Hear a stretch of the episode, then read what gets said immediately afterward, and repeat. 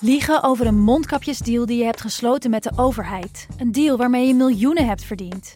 Dat doet toch alleen Siewert van Liende? Nou, nee. Ik ben Felicia Alberding en in de Mondkapjesmiljonairs duik ik met een team van correspondenten in andere schandalen. Want wist je dat Siewert helemaal niet uniek is? Luister de Mondkapjesmiljonairs in je Podimo-app. Of ga naar podimo.nl slash mondkapjes. En probeer Podimo 30 dagen. podimo.nl slash mondkapjes. Dit programma wordt mede mogelijk gemaakt door Toto.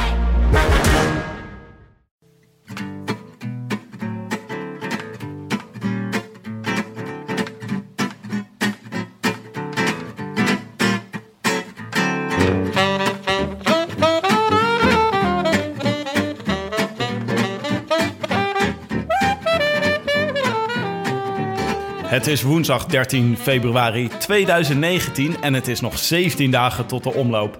Live vanuit Roggel, je hoort het goed, Roggel is dit, de Rode Lantaarn. De wielerpodcast van Het is Koers.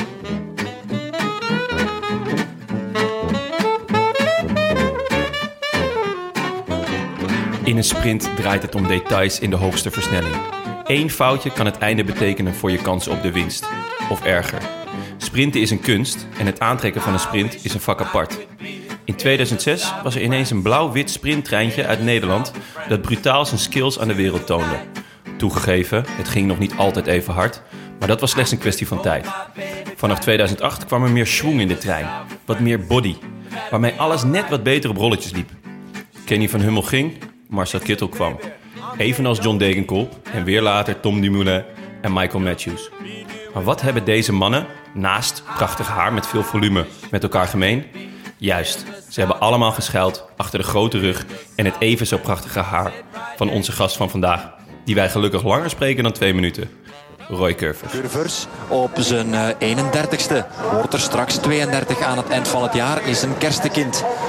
Ondertussen al een jaar of eh, drie, vier zelfs in dienst bij Schil Shimano. Daar hangt de boog. Curvers gaat het hier halen. We gaan een derde Nederlander op de eerlijst krijgen.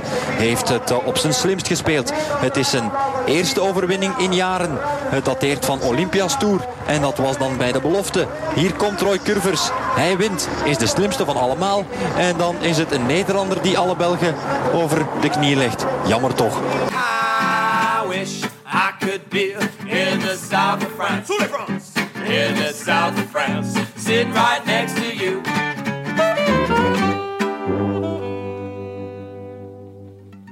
Roy, wat leuk dat we hier eh, mogen aanschuiven aan tafel in, eh, in het prachtige Roggel. Eh, hoe, eh, hoe gaat het met je? Ja, goed. Welkom, eh, zou ik zeggen. Nou, dankjewel. Leuk om er te zijn. Lange rit achter de rug, maar eh, uiteindelijk toch aangekomen. Hè? Ja, zeker. In een, eh, in een carnavalesk huis, Ja, inderdaad. mag ik wel zeggen. Alles is in carnavalstemming in Roggel. Nou ja, eh, wij liepen hier over de weg en eh, ja, we hadden het adres, maar we zaten toch een paar keer nog te kijken. Van, is dit het nou? Is dit het nou? Er staat heel groot, ja, carnaval en alaaf eh, op de voordeur. en het is al helemaal versierd. Dus ja, we dachten, is dit het huis van Prins Carnaval of is het het huis van Roy Curvers? Ja, dit is nou even het huis van de boerenbruid. De boerenbreid. Met carnaval dan ehm, ehm, organiseert ja, de voetbalclub zeg maar, in het dorp... die organiseren een eh, soort nep-bruiloft. Dat is hier gebruikelijk in deze regio. Dus dan trouwen twee mensen eh, uit het dorp... eh, die trouwen in de onecht met elkaar. En ehm, ja, dit jaar eh, trouwt eh, mijn vriendin met eh, Rens van de bloemenwinkel. Dus, eh,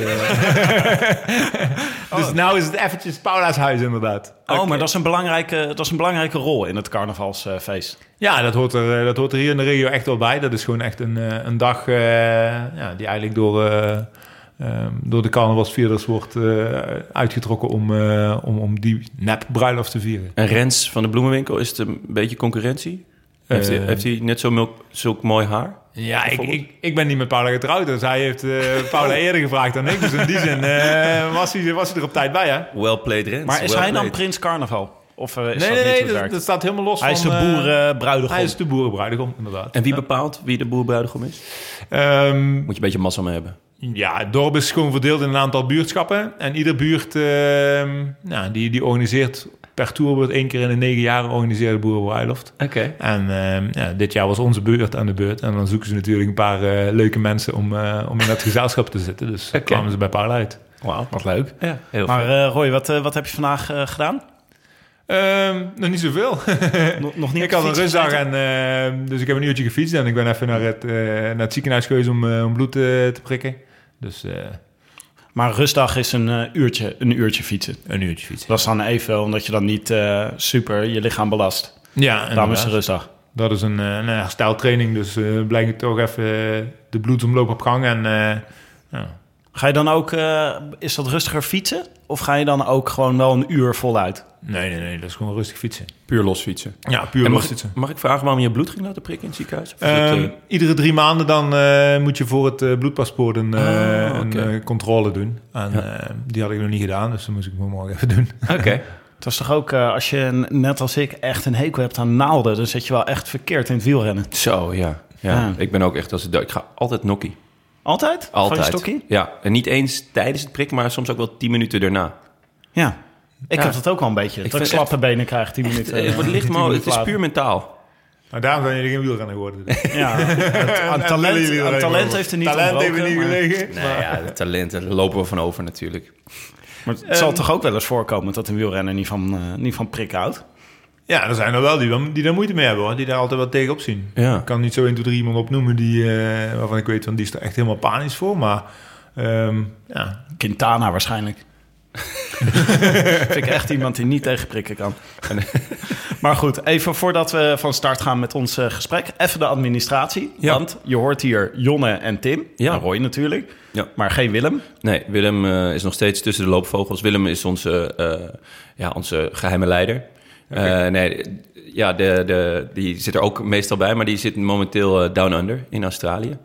Is hij nog steeds op vakantie? Ja, je kan, hem, eh, je kan hem uitgebreid volgen als je wil. Want op Instagram zet hij veel updates van zijn vakantie. Oké. Dus je kan, als je hem op Instagram volgt, dan kan je alles over de loopvogels te weten komen. Ja, ze- hij heeft ook de foto van die loopvogel daar. Nou, nee, die heb ik eigenlijk daar niet voorbij zien komen. Oh, dat was, die deelde die met ons. Maar volgens mij, die foto die, met die, hij met ons deelde... was niet de loopvogel die hij tegen was gekomen... maar was een plaatje van een vergelijkbare Oh, echt? Casuaris. Ik zit gewoon naar Google Images te kijken dus. Dat denk ik eigenlijk. Oh, dat vind ik heel Het zal teleurstellend. niet de eerste keer zijn dat eh, Willem ons eh, op die manier het ootje heeft genomen. Nou, dat is wel echt heel matig. Nou ja, goed, eh, ja, het is niet anders. En eh, ja, wij waren afgelopen vrijdag waren we bij Martijn Tusselt. Vandaag is woensdag. Ja, teamgenoot. inderdaad. Ja, dat was een heel interessant gesprek. Het was, Ja, was leuk, om, eh, leuk om hem te spreken.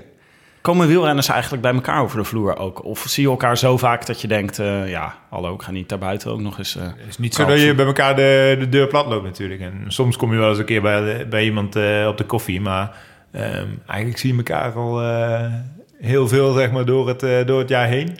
Ja. Ehm, ik wou dat ik mijn vrienden zo vaak zag als dat ik mijn ploeggenoten eh, zie. Want, eh, of ja, misschien waren het dan geen vrienden meer. Dat kan ook, hè. Dat, Ja. eh, dat het te veel wordt. Maar ehm, ja, wie, wie, wie zijn jouw vrienden binnen het peloton? Oh, binnen het peloton. Binnen de ploeg mag ook, wat je wil. Ik kan met, ik kan met heel veel jongens op, goed opschieten. Ja. Ik, ja, ik had altijd wel wat, wat meer met Mike Teunissen, die is nou weg. Maar ja, daar, daar train ik ook gewoon echt, echt effectief mee. Leuke vent. Omdat hij ja. ook niet heel ver hier uit de buurt komt. Dus eh, ja, wat dat betreft wel jammer dat, eh, dat die eh, nou is overgestapt. Naar de vijand. Ja, naar de vijand. Met, wie train ik je, met wie train je nu dan? nou train ik eh, bijna altijd alleen. Echt? Ah. Ja. Oh ja, dat is, eh, Hoef je ook met niemand rekening te houden. hè. ja, dat is Ja, waar. dat, is, dat scheelt wel. En je fiets altijd op kop. Ik fiets altijd op kop, ja, daarom. Dus heb ik geen, eh, geen niemand om me achter te verschuilen. Ik moet alles gewoon zelf doen. En eh, ja, ook een gezin met drie kinderen, dan eh, is het wel makkelijk als je, als je je eigen planning ook kan, eh, kan beheren. Hè? Maar is er ook een renner die altijd zijn verjaardag viert... waar, iedereen, eh, waar, ieder, waar je iedereen, Iedereen ziet? komt. Nee, niet echt. Ik weet dat toen, ja, nou eh, in ehm, afgelopen oktober toen Bram eh, zijn, zijn afscheidsfeest gaf. Ja, dat was wel mooi om, eh, om daar gewoon ja, uit, was- uit de hele generatie eh, weer renners te zien en zo. Ja. Dus dat was eigenlijk wel leuk. Ja, was een mooi Maar- feest? Dat was een mooi feest, maar ik denk als je dat ieder, eh, ja, ieder jaar tien keer doet, dan eh, komt er ook niemand meer. Dat- dit was juist zo bijzonder, omdat het, eh, dat je echt mensen ziet die, ja, die ook tien jaar niet meer gezien had. Ja, leuk. Maar nog even voor de, voor de administratie. Oh ja, we, we zijn... We, ja, vertel. Eh, ik heb een echt een prachtige documentaire gezien afgelopen weekend. Ik was namelijk uitgenodigd om eh, te komen praten over de film Afghan Cycles. Nee, wacht even. Ik was niet uitgenodigd om erover te komen praten. Ik was de pre- presentator die het aan elkaar moest praten. Echt? Maar dat is een film over eh, een aantal meisjes uit Afghanistan. Die eh, uit zo'n uit beetje platteland van Afghanistan komen. En die super van wielrennen houden. En helemaal in dat wielrennen een manier vinden om zichzelf, om, om zichzelf een beetje te emanciperen. En om steun bij elkaar te vinden. Maar je weet echt niet wat je ziet. Het is echt een heel bijzondere documentaire. Afghan Cycles heet die. Oké. En eh, ik was al een beetje... En waarom mocht jij die presenteren? Het was in de Bali. En Ah, wij eh, zitten met ons eh, podcastbedrijf zitten we ook in de Bali op de uh, Leidsplein in Amsterdam. En dan vragen ze af en toe als er iets met wielrennen is, dan eh, mag ik, eh, mag leuk. ik eh, komen, komen En presenteren. waren er ook wat van die Afghaanse meisjes? Nou, dat was dus bijzonder. De hoofdrolspeler van de, van de film, die was er. En die had nog nooit zo'n optreden gedaan, zeg maar. Dat ze echt zo bij de, bij de documentaire zelf, bij de vertoning zelf was. En die is dus, het bijzondere aan die documentaire is dat het gaat dus niet alleen over die meisjes die heel erg van wielrennen houden. Maar dit meisje is dus inmiddels gevlucht naar Frankrijk. En ik dacht, laat ik even van de gelegenheid gebruik maken. Die, dat meisje is dus, die zit nu dus in, eh, in Frankrijk, houdt nog steeds heel erg van fietsen. Maar is dus al haar Afghaanse vriendinnen kwijt.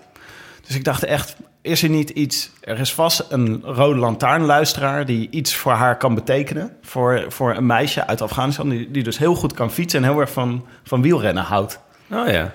Er is Oh. vast iemand, een eh, luisteraar, die woont in Frankrijk... en eh, kan er eh, van een fiets voorzien of er een keer uitnodigen Ja. voor een mooie wedstrijd. Ja, dat zou wel mooi zijn, ja. Ja, het was echt... Ja. Want die, do- die documentaire die kan je dus komende, komend half jaar kan je die in Nederland zien. Het is echt heel mooi om te kijken. Maar sowieso een Afghaanse wielrenster. Dat Ja. toch ook hartstikke leuk. Ja, heel vet. Mooi. Ja, dus die oproep bij deze, als er iemand iets voor een meisje in Frankrijk, in Lille woont ze, kan betekenen, dan neem contact met ons op. Leuk, leuk. Oké. Volgende, ja, we hebben eh, hier eh, qua administratie, het laatste puntje van de administratie. Dan gaan we over naar Roy. Maar Roggel, vraagteken, uitroepteken. ja. Eh, kan je één keer voor ons eh, voordoen hoe je, het, hoe je het uitspreekt?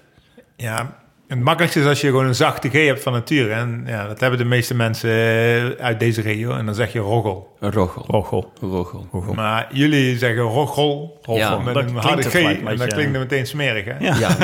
Ja. Het, klinkt, ja, het klinkt een beetje als spuug. Ja. Maar ja, dat, eh, Nee, we willen je niet... eh, Oordeel zelf hoor. Maar, ik weet niet eh, hoe het overkomt op een buitenstaander, maar eh, het is gewoon een eh leef klein aardig dorpje. ja, het is een prachtig, prachtig klein dorpje. Leuk. Ik had eh, Leuk even- om er te zijn.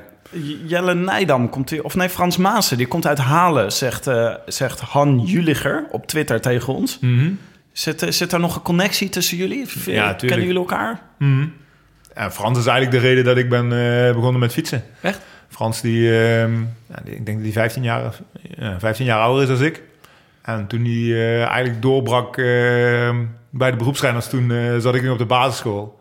En ik weet dat ik eh, met mijn vriendjes normaal altijd eh, na school bleef hangen en ging eh, voetballen. En eh, ehm, ja, toen Frans doorbrak, toen gingen we in één keer wielrennen. Dus toen Ja. we, ja, werden de straten in het dorp onveilig gemaakt door een hele horde ja, van mij en mijn klasgenootjes die wedstrijdjes organiseerden op de openbare weg. Oh, wat geweldig. Dus Ja. dat is gewoon Frans Maassen, die inspireert zo gewoon. En ben jij de enige die prof is geworden van die groep? Ik ben de enige die, eh, die uiteindelijk is blijven fietsen en, eh, en prof is geworden. Maar ik denk dat we toen van ehm, ja, uit, uit de Halen en de omringende dorpen waren we met een man of 15, 20 eh rennertjes in de leeftijd van, eh, ja, van, van 10, tot, eh 10 tot 12 of 8 tot 12.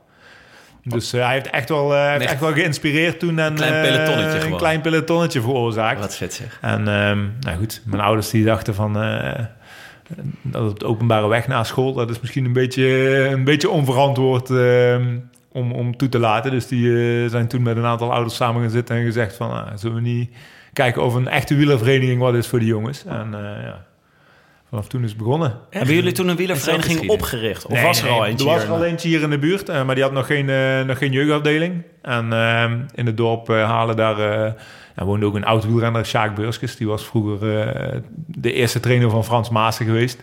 Dus wij ja, wisten dat ook. Dus wij met een paar jongetjes daar naartoe en eh, gevraagd van... goh, zou je ons niet ook willen trainen? Nou, en eh, kon eh, Sjaak natuurlijk geen nee tegen zeggen. Dus toen gingen we iedere dinsdag of woensdagavond eh, een rondje fietsen. En, eh, we hebben ons aangesloten bij Wielerclub met Limburg hier eh, in Heidhuizen. En toen jullie eh, dus Frans Maas gingen naspelen, was dat al op een racefiets of nog echt gewoon op een... Nee, dat was gewoon op de, op de gewone Ja? fiets, op de normale fiets. Ja. En langzaam maar zeker wist iedereen wel een, een koerstruitje op de kop te tikken. Wat was jouw, welke was die van jou? Ja, ik had een, een Peugeot-trui. Zo'n Ah, zo'n ja. witte met die- zo'n finishvlag. Heel mooi. Ja, toen was ik helemaal niet, eh, toen was ik niet de coolste, maar achteraf eh, met terugwerkende kracht eh, was ik wel de coolste als Ja. ik me nou op die, op die foto's zie. Maar toen was je helemaal de man als je natuurlijk een superconvex of een, of een buckler truitje had. Ja, Want daar heeft Frans in natuurlijk. ja, ja, ja. ja. Ah, heel vet. Uh, wij beginnen altijd dit gesprek beginnen we met eh, de legendarische rubriek uit Voetbal International persoonlijk. Oh, Kan je die nog herinneren? Heb je die of kijk je die, bekijk je die wel eens? nee. Dat is die pagina waar dan. eh, Hoef je, hoef je je niet voor te schamen. Ah, ja, dan voetbal, worden dan, eh, eh, dan worden dan allemaal van die. eh, aan één renner worden allemaal dingen gevraagd als. eh, eh, eh, ja, eh, woonplaats, eh, waar, eh, wat is je favoriete opleiding, boek, muziek. eh, wie was je idool? Het zijn twintig vragen. Eh, en die gaan we niet allemaal doen. Maar eh ja, wel, het is- het is een mooie eh, introductie. Eigenlijk. Ah. Toch? Ja, nou laten we, laten we gewoon eentje proberen. Even kijken om je, om, eh, om je iets beter te kunnen leren kennen. Eh, favoriete muziek? Favoriete muziek? Nou, ik luister eigenlijk alles. Oh, Dus eh, Zelfs carnavalmuziek? zelfs carnavalsmuziek. Inderdaad. ja, zeker in deze periode. Dan, eh, Ja. Ja, met de kinderen dan wordt het al, eh, wordt al snel weer opgezet. Ja. Oké. Ja. maar eh, iets op de fiets wat je luistert? Ehm, ja, op de fiets vind ik het zo onveilig worden. Maar eh, vroeger Foo Fighters, Nirvana, die, eh, Ah, dat soort ja. werk, dat, ehm, ja, dat motiveert me wel helemaal op de fiets. Veel power. Ja. Leuk. Leuk. Jij eentje, Jonne? Eh, nou ja, we hebben natuurlijk net al Frans Maas, maar jeugdidolen was dus Frans Maas. ja, dat was Ja. jeugdidool, zegt Frans Ja, Maas. Oké, inderdaad. nice. Meer? Was er nog eh, iemand die je bijzonder heeft ge- geïnspireerd om te gaan fietsen? Ehm, ja, niet, zozeer om, eh, niet zozeer om te gaan fietsen. Hmm. Nee. Ik was eerst voetballer natuurlijk. En eh, nou ja, was de tijd van Dennis Bergkamp. Was Dennis Bergkamp die grote voorbeeld. Ja. Maar ja, toen eh, Frans doorbrak, ja, toen eh, werd die, die poster van Dennis Bergkamp van de muur gerukt. Hoor. Ja, ja, ja, precies. Ah, mooi. Een eh, boek? Favoriete boek? Goh, mijn favoriete boek. Of een boek Ehm, dat je nu leest, mag ook. Ik lees nou ehm, van Jo Nesbo, een eh thrillerschrijver. Ja, ja. Eh, heb ik een aantal boeken die ik, eh, die ik nou door aan het, door aan het pluizen ben. Maar eigenlijk dat genre. Gewoon een Ja, eh, thrillers. de thrillers, ja. Er wordt veel gelezen, toch? In pelotons. Ja, steeds minder en minder. Hè. Opkomst van Netflix ja, heeft ook ja, zijn ja. intrede in het peloton gedaan. Maar eh, ja, dus ik kijk met mij nog wel eens af en toe raar aan dat ik nog eens een boek bij heb. Ja. Maar, eh, Maar in dat geval, wat is je favoriete serie? goh, serie. Ja, ik, ik ben juist meer een boekenman. Ja? Maar ja, op Netflix is de Narcos-series, die, eh, die heb ik nou eigenlijk achter elkaar gezien. Mooi. Eh, ik heb nog wel een, eh, nog eentje die tussen. je trainer, favoriete trainer. Mijn favoriete trainer? Ja, of, of de trainer met wie je een speciale band hebt. eh. Ja, dat wil je het antwoord al op weten, denk ik. Eugène Jansen. Dus, Ja. eh, dezelfde als, eh, hetzelfde antwoord als Laurens de Dam zou geven, denk ik. ja, want ik heb eh, ook een eh, vraag van eh ene Laurens ten D. Ah. Uit eh Ouddorp. Hoe, hoe was je IJzerbos training gisteren? Ehm, ja, hij heeft me goed gepusht gisteren, zeg maar. Ja? Die, ehm, ik moest twee keer IJzerbosweg doen voluit. Ja, en ik kwam net voor de derde keer kwam Lau, kwam Lau aan. Dus toen heb ik, hem nog, heb ik hem nog een derde keer gedaan. Dus nou, Lau heeft mij op deze leeftijd nog weten te, weten te pushen om, om nog eens extra diep te gaan tijdens een training. Dus, Ja? Eh, bedank, bedank hem er maar voor. Even De, eerste overwinning die ik haal dit jaar eh, draag ik aan Lau op dan. eh. Ja? Ja. Nice. Maar even de context van deze, van deze, van deze vraag. De Eugène is een coach die jou en Laurens buiten de ploeg ook nog traint? Of is die van, is die van Sunmap? Nee, die is, ehm, die is eigenlijk gewoon van zichzelf. En eh Eugène is een, is een trainer hier uit de regio, die woont in Hoensbroek. En ehm, ja, die traint eigenlijk eh, mij en Laurens al onze hele carrière. En eh, ja, we hebben er beide altijd een beetje voor gestreden om eh, met Eugène te mogen blijven werken. Ondanks dat, eh, dat we in ploegen zaten die eh, eigen trainers hadden en, en, en verplicht stelden. En ja, op een of andere manier is het ons toch altijd gelukt om, om met Eugène te mogen blijven werken. En, Ja, dat vind ik wel mooi. Ehm, ook natuurlijk omdat, ja, omdat hij wel een, een reputatie heeft in Nederland. Dat hij wel dat hij gewoon wel goed is en, en, en geen gekke dingen doet. En ehm, een van zijn eh, beruchte trainingen is de IJzerbosweg training. Dus dan rij je... eh, je hebt daar twee klimmetjes in ijs. Je hebt eh Trintelen. Dan rij je een, een, een, ja, een klim van vier tot vijf minuten, een procentje of, of vijf op. En ehm, dat doe je dan één keer. Dan rij je naar beneden en dan doe je IJzerbosweg een keer. En Ah. IJzerbosweg doe je voluit en eh Trintel hou je een beetje in. Om zo een beetje een, ja, een, een harde periode in een koers te stimuleren. Oké. En ehm, ja, die, eh, als Laurens hier in de buurt is en Eugène eh, weet dat, dan eh, geeft hij ons allebei dezelfde training. Dus kunnen we elkaar een beetje opjutten. Leuk. Maar jullie zijn heel andere renners, toch? Wordt dat, is het niet heel vervelend eh, om met, eh, voor jou met eh Laurens eh, klimmetjes te doen? Ja, daarom. Dat is, daarom eh, ik, ik heb dat nooit zo graag dat, eh, dat ik dat precies tegelijk, want meestal dan was hij van oren. En eh, ja, wat dat betreft, eh Laurens is eigenlijk een klimmer. Dus, dus mijn eh, training is meer een beetje gericht op explosiviteit. Dus bij mij ligt het accent ook echt gewoon op het bovenop doortrekken. Dat je er echt Ah, zo'n ja. Vlaams klimmetje van maakt. En Laurens rijdt dan trintelen weer veel harder omhoog dan ik. Ik eh, krijg dan eigenlijk meer rust dat ik één keer echt diep kan gaan. En Laurens maakt er meer een lange inspanning van. Mooi. Maar zo kunnen we toch op hetzelfde parcours kunnen we allebei een heel effectieve training Ah, doen. leuk dat je, dat je het vertelt, want eh Laurens is er zelf altijd een beetje mysterieus over. Ah, oké. En eh, Stefan, met wie hij zijn podcast maakt, die Ja. probeert het wel te vissen. En dan zegt Laurens, hij staat gewoon op Strava. Hij staat gewoon op Strava. Ja. Maar eh, leuk eh, om te horen hoe, eh, ja, hoe, het voor jou, eh, hoe het voor jou bleef. Om nog even de, kunnen we nog heel even de, de rubriek afmaken voordat Ja, we goed. verder in het gesprek induiken? Want een eh, standaardvraag is ook altijd hoogtepunt. Hoogtepunt. Of zoals Vraagteken. iemand, Ar- Zoer Cycling Stad Arjen, die vraagt op Twitter ook... wat was het mooiste moment op de fiets? Was dat de overwinning in 2011? Of juist een ander moment waar je mooie herinneringen aan hebt? Ehm, ja, eigenlijk eh, vind ik het heel moeilijk om, om die dingen met elkaar te vergelijken. En natuurlijk ehm, ben je als jonge gast eh, ehm, gaan wielrennen en dan droom je gewoon vanzelf eh, koersen winnen. En dan droom je misschien ook vanzelf Parijs-Roubaix winnen. Dat was voor mij altijd een, eh, een, een mythische koers en, eh, en, en iets waar ik echt naar uitkeek om dat op televisie te zien. En ehm, dus eigenlijk begin je het, het spelletje gewoon om, zelf te winnen. En ja, in die zin is dan natuurlijk bij, de profs een koers winnen is gewoon een van de hoogtepunten van mijn carrière. Maar ja, wat ik al zei, van, als kleine jongen droom je van Parijs-Roubaix. En dan eh, eh, kom je er, als je uiteindelijk bij de profs komt, kom je erachter van, ja, Parijs-Roubaix is een supermooie koers. Ieder jaar een hele mooie ervaring. Maar eh, waarschijnlijk heb ik zelf niet de motor eh, om die koers ooit te kunnen winnen. Ehm, dus daar kom je dan gaandeweg gewoon achter en dat accepteer je. En daar, ja, daar, maak je dan ehm, eh, ja, ook geen groot punt meer van. Ehm, maar dan ma maak je het wel echt bijzonder om in die koers o- een ploegmaat aan de overwinning te helpen. Want ja, uiteindelijk weet je van, ja, je bent zelf geen renner die 10, eh, 15 koersen per jaar wint. Dus dan zul je eh, in dienst moeten rijden het grote deel van je carrière. Wat ook helemaal geen probleem is, waar ik me eh, ja, heel prima ook prettig bij voel. En ehm, dus in die zin, eh, toen we met John Degenkolb eh eh, Parijs-Roubaix wonnen... eh, gaf dat wel ook eh, een stukje van mijn droom, zeg maar, die, eh, die werkelijkheid werd. Dus Ja. eh, Dat was twee jaar geleden, toch? Nee, 2014 volgens mij. Zo toch? lang geleden al? 2015. 2015, ja. Ja. Ja. Dus eh, ja, dat, was ook, dat is ook gewoon echt een, eh, eh, ja, een van de hoogtepunten op de fiets. Ehm, daarnaast eh vier eta- etappe-overwinningen in de Tour met, met Marcel Kittel in een sprinttrein die, eh, die top functioneert. Ehm, ja, dat zijn ook eh, on- ontzettend gave eh, herinneringen. En eh, dat is ook weer een hele andere ontlading. je zo'n sprinttrein, ja, dat is ja, één blok eh testosteron wat, wat knalt. En als je dan de sprinter als, als overwinnaar over de finish ziet gaan, ja, dan, dan is die ontlading super, super heftig. Dus. En, en zeker als je daar met je ploeg eh, keihard voor gewerkt hebt, eh, zijn dat gewoon eh, feestjes die, eh, ja, die je met z'n achten, met z'n negenen viert.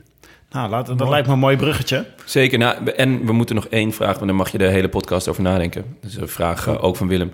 Als je één dag een dier eh, zou mogen zijn, welk dier zou dat dan zijn? Mag je op het laatste antwoord geven? Heeft nog nooit iemand gier gezegd. Nee. Oké, eh, laten we het over de sprint hebben. Want dat vind ik, eh, dat vind ik toch altijd een eh, ontzettend mooi onderwerp. Maar zou je eigenlijk kunnen zeggen dat jullie bij eh, Sunweb... zijn jullie nog sprintspecialisten? Ehm, ja, zijn we nog sprintspitten? Minder als ehm, vijf jaar geleden. Ehm, proberen het wel weer terug erin te krijgen. Eh, als je gaat kijken naar eh, de groep renners die we hebben, ja, is denk ik van die groep die met Marcel eh voor etappewinst eh ging in de Tour, ben ik alleen maar over. Ja. Dus in die zin ja, is heel die ploeg verbouwd. En ligt ook echt de nadruk. Toen was dat gewoon het, het hoofddoel van, van, ehm, ja, van onze ploeg. En nou is dat toch wel verschoven naar klassementen en, en, en meer bergop eh, fietsen. Maar daarnaast eh, zijn we ook weer met een jonge groep bezig eh, met sprints en, en klassiekers. Dus ja, we willen het eigenlijk wel weer opbouwen. Even om nog terug te gaan naar die sprinttrein met Kittel. Welk, welk ja, stukje was jij? Welke keten, welk deel uit de keten was jij? Ehm, Wagonnetje, hoe wil je het noemen? Ja, ik had vaak mijn finish op, om een kilometer liggen. Dus ik wist meestal ja, bij die boog, dat, is mijn, dat is mijn finish. Was heel makkelijk. Ja. Net zoals een echte sprinter, alleen dan een kilometer, eh, kilometer te vroeg. Ik maakte ook wel vaker grapjes met Marcel Sieberg. Die, eh, die deed hetzelfde dan voor Grijpel. En, eh, en toen zei hij, als al die koersen nou eens een kilometer korter waren... dan hadden wij met z'n tweeën toch veel overwinningen gehaald. dat Maar, zou toch mooi zijn als dat zou toch mooi geweest als zijn, statistiek hebben. Ja. Maar goed, helaas zijn ze allemaal een kilometer langer en winnen we niks. Maar En wie, wie, wie zat er dan nog wie zat er voor en achter jou?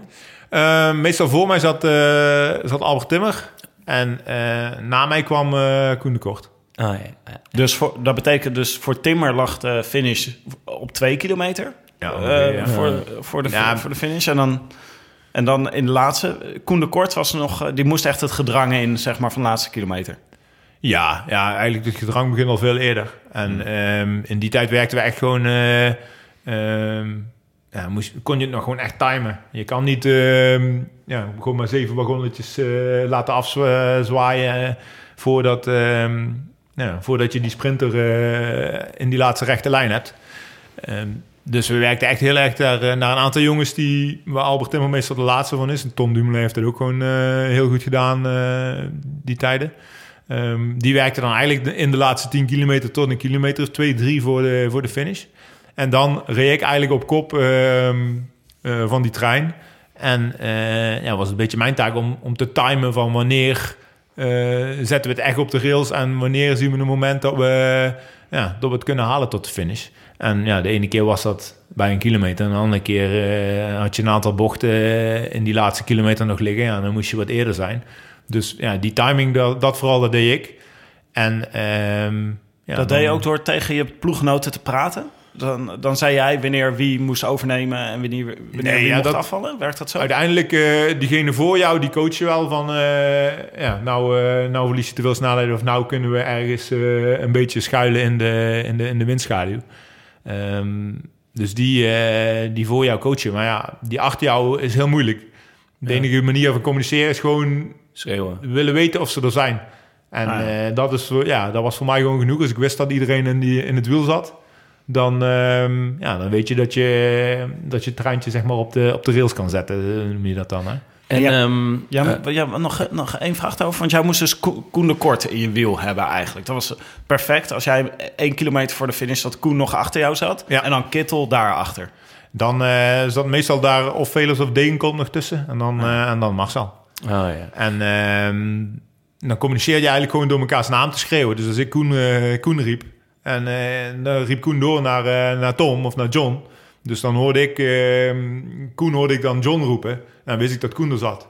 En dan oh ja. hoor, je, hoor je John, eh, John roepen naar Marcel. En dan ehm, hoorde je Marcel misschien, misschien niet. Maar dan ging weer oké naar voren. En dan, dan wist je genoeg eigenlijk. Hè? ja. En wat je zei net, het gedrang begint veel eerder. Ja. Wanneer, op hoeveel kilometer begint het gedrang? Goh. Ehm, Verschilt natuurlijk een beetje per koers, maar... ik- ja, in, de- in een toeretappe begint het eh, op 50 kilometer van de meedal. Echt? Ja, Ah, ja. daar zit echt, eh, dat, dat is tegenwoordig echt zo, eh, zo gek. Dat 50 op 50 kilometer? kilometer moet je echt al continu communiceren of je bij elkaar, eh, of je bij elkaar blijft zitten. En wat doe jij dan? Dus dan, je, eh, jouw rol is dan op dat moment al om eh, samen de sprinttrein eh, te gaan formeren. Ja, dan probeer je, dan ben je eigenlijk die eerste, ja, tot, eh, tot twee kilometer voor de finish, ben je eigenlijk gewoon alleen maar bezig met eh, zo zuinig mogelijk rijden. Eh, ja, je gaat, je gaat renners nodig hebben om je in positie te houden, dus die af en toe in de wind moeten. Maar die wil je eigenlijk ook zo lang mogelijk, zo lang mogelijk gebruiken. Dus ja, je probeert eigenlijk op handige manier posities te winnen. Dus als je weet dat, eh, dat de weg eh, twee kilometer breder is tussen kilometer eh 30 en, en 28, dan weet je dat je daar op wil schuiven. Dus dan zorg je dat je daar allemaal een inspanning doet. En dan zit je dan bijvoorbeeld weer vijf kilometer op je gemak, doordat het smaller is en toch niemand kan passeren. Dan heb je dan weer even tijd om, om adem te halen. En, zo ja, rij je eigenlijk die hele ja, laatste 50 kilometer zeg maar, tot, tot aan de finish. En ehm, Daar waren jullie ook heel goed in, toch? Dat was ook, eh, want eh, jullie waren, eh, dat was echt de tijd dat steeds meer van die sprinttreinen Ja. begonnen te ontstaan. mhm. Wa- waren jullie daar ook een van de trendsetters dan in? Dat jullie dat, de manier waarop jullie dat organiseerden? Ja, ik denk dat wij... um, ja, wij werkten eerst met Kenny van Hummel. eh, Koen, ik, Tom, Albert. Dus wij waren eigenlijk al heel erg op elkaar ingespeeld.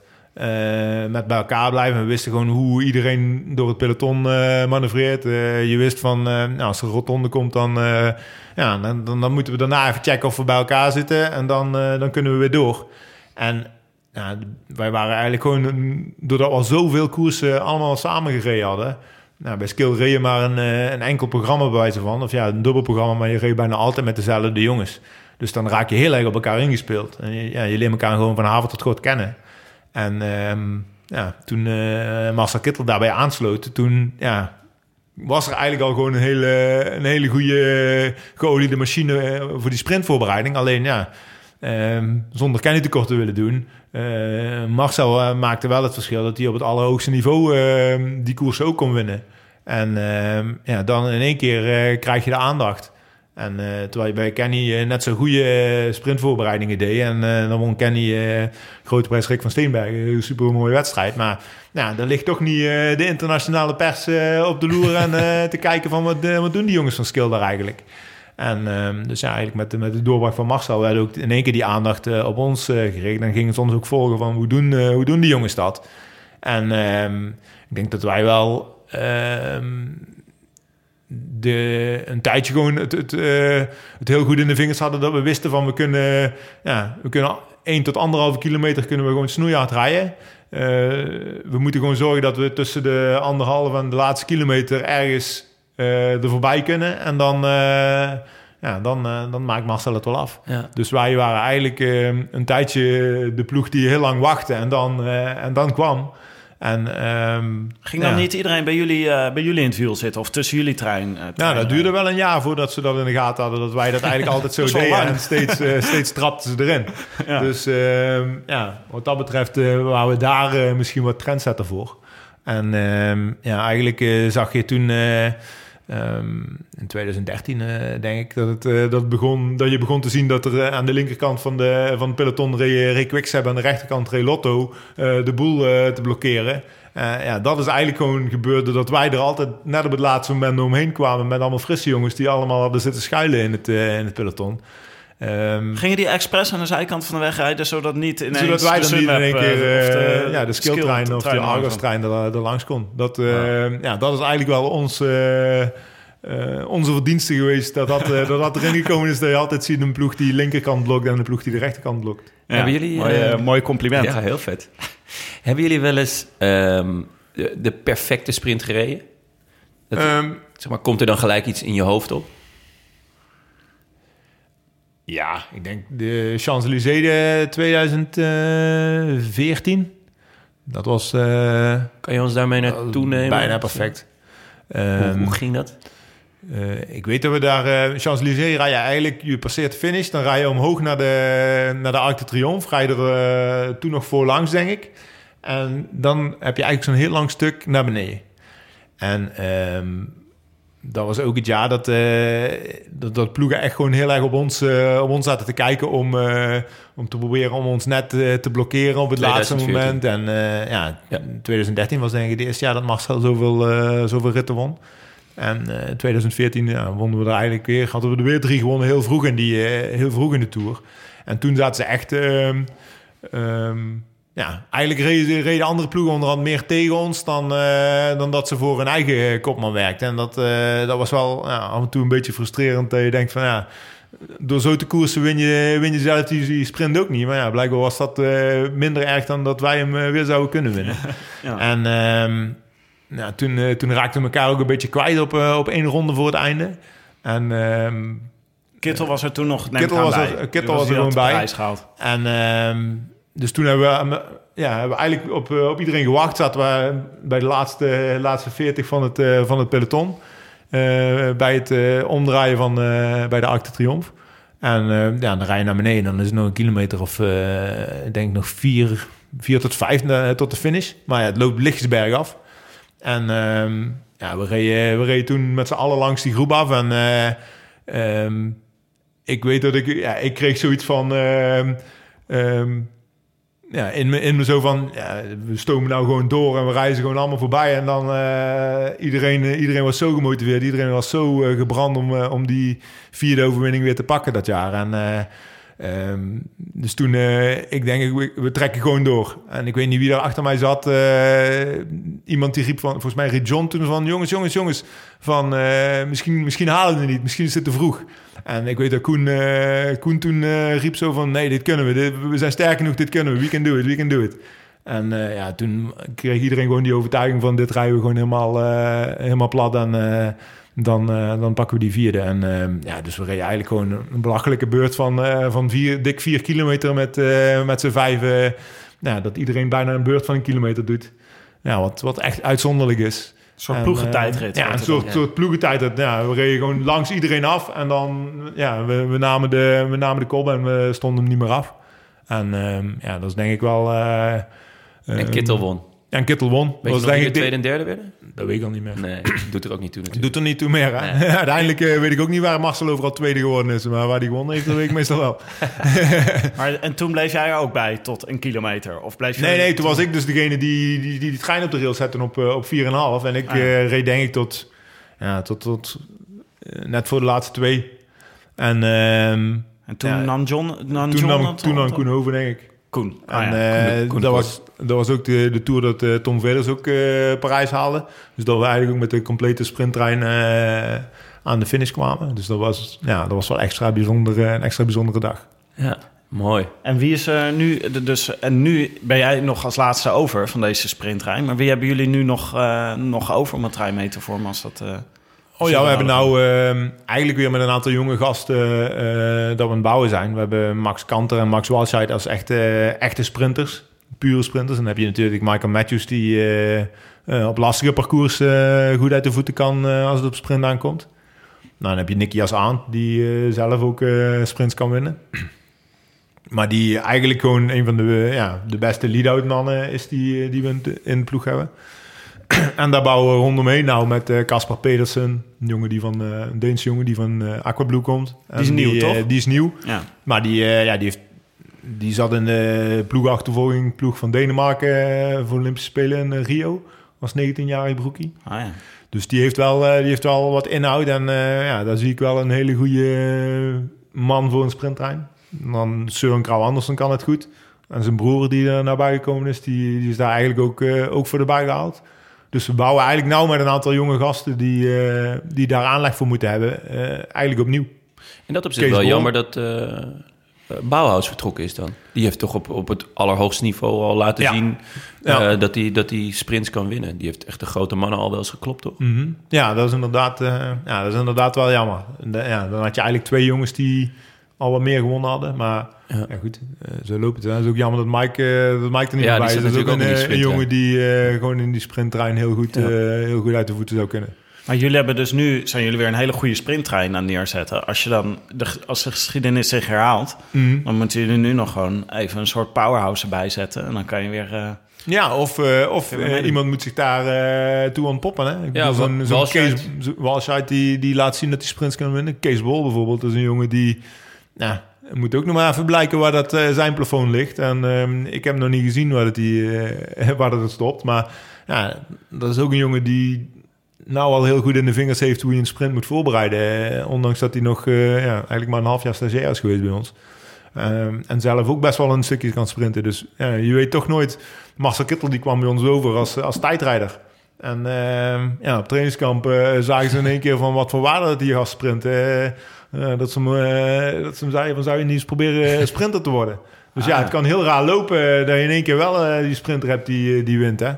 Ja. Dat doet toch ook denken aan uh, Eike Visbeek, die vorig jaar tegen ons zei uh, dat uh, eigenlijk de voornaamste manier van scouten van Sunweb het in de gaten houden van de tijdritresultaten is. Dat je daar dus een, dat je daar ronde renners uit kan pikken, maar dus blijkbaar ook sprinters, zoals, zoals Kittel. Dat je daar goed aan kan zien. Ja, ik denk niet zozeer dat dat aan zijn tijdritwaardes te zien was, maar um, um, dat dat gewoon echt gewoon aan die, die vermogenswaardes. Ja, het is een goede indicatie voor uh, voor iemands plafond. Ja.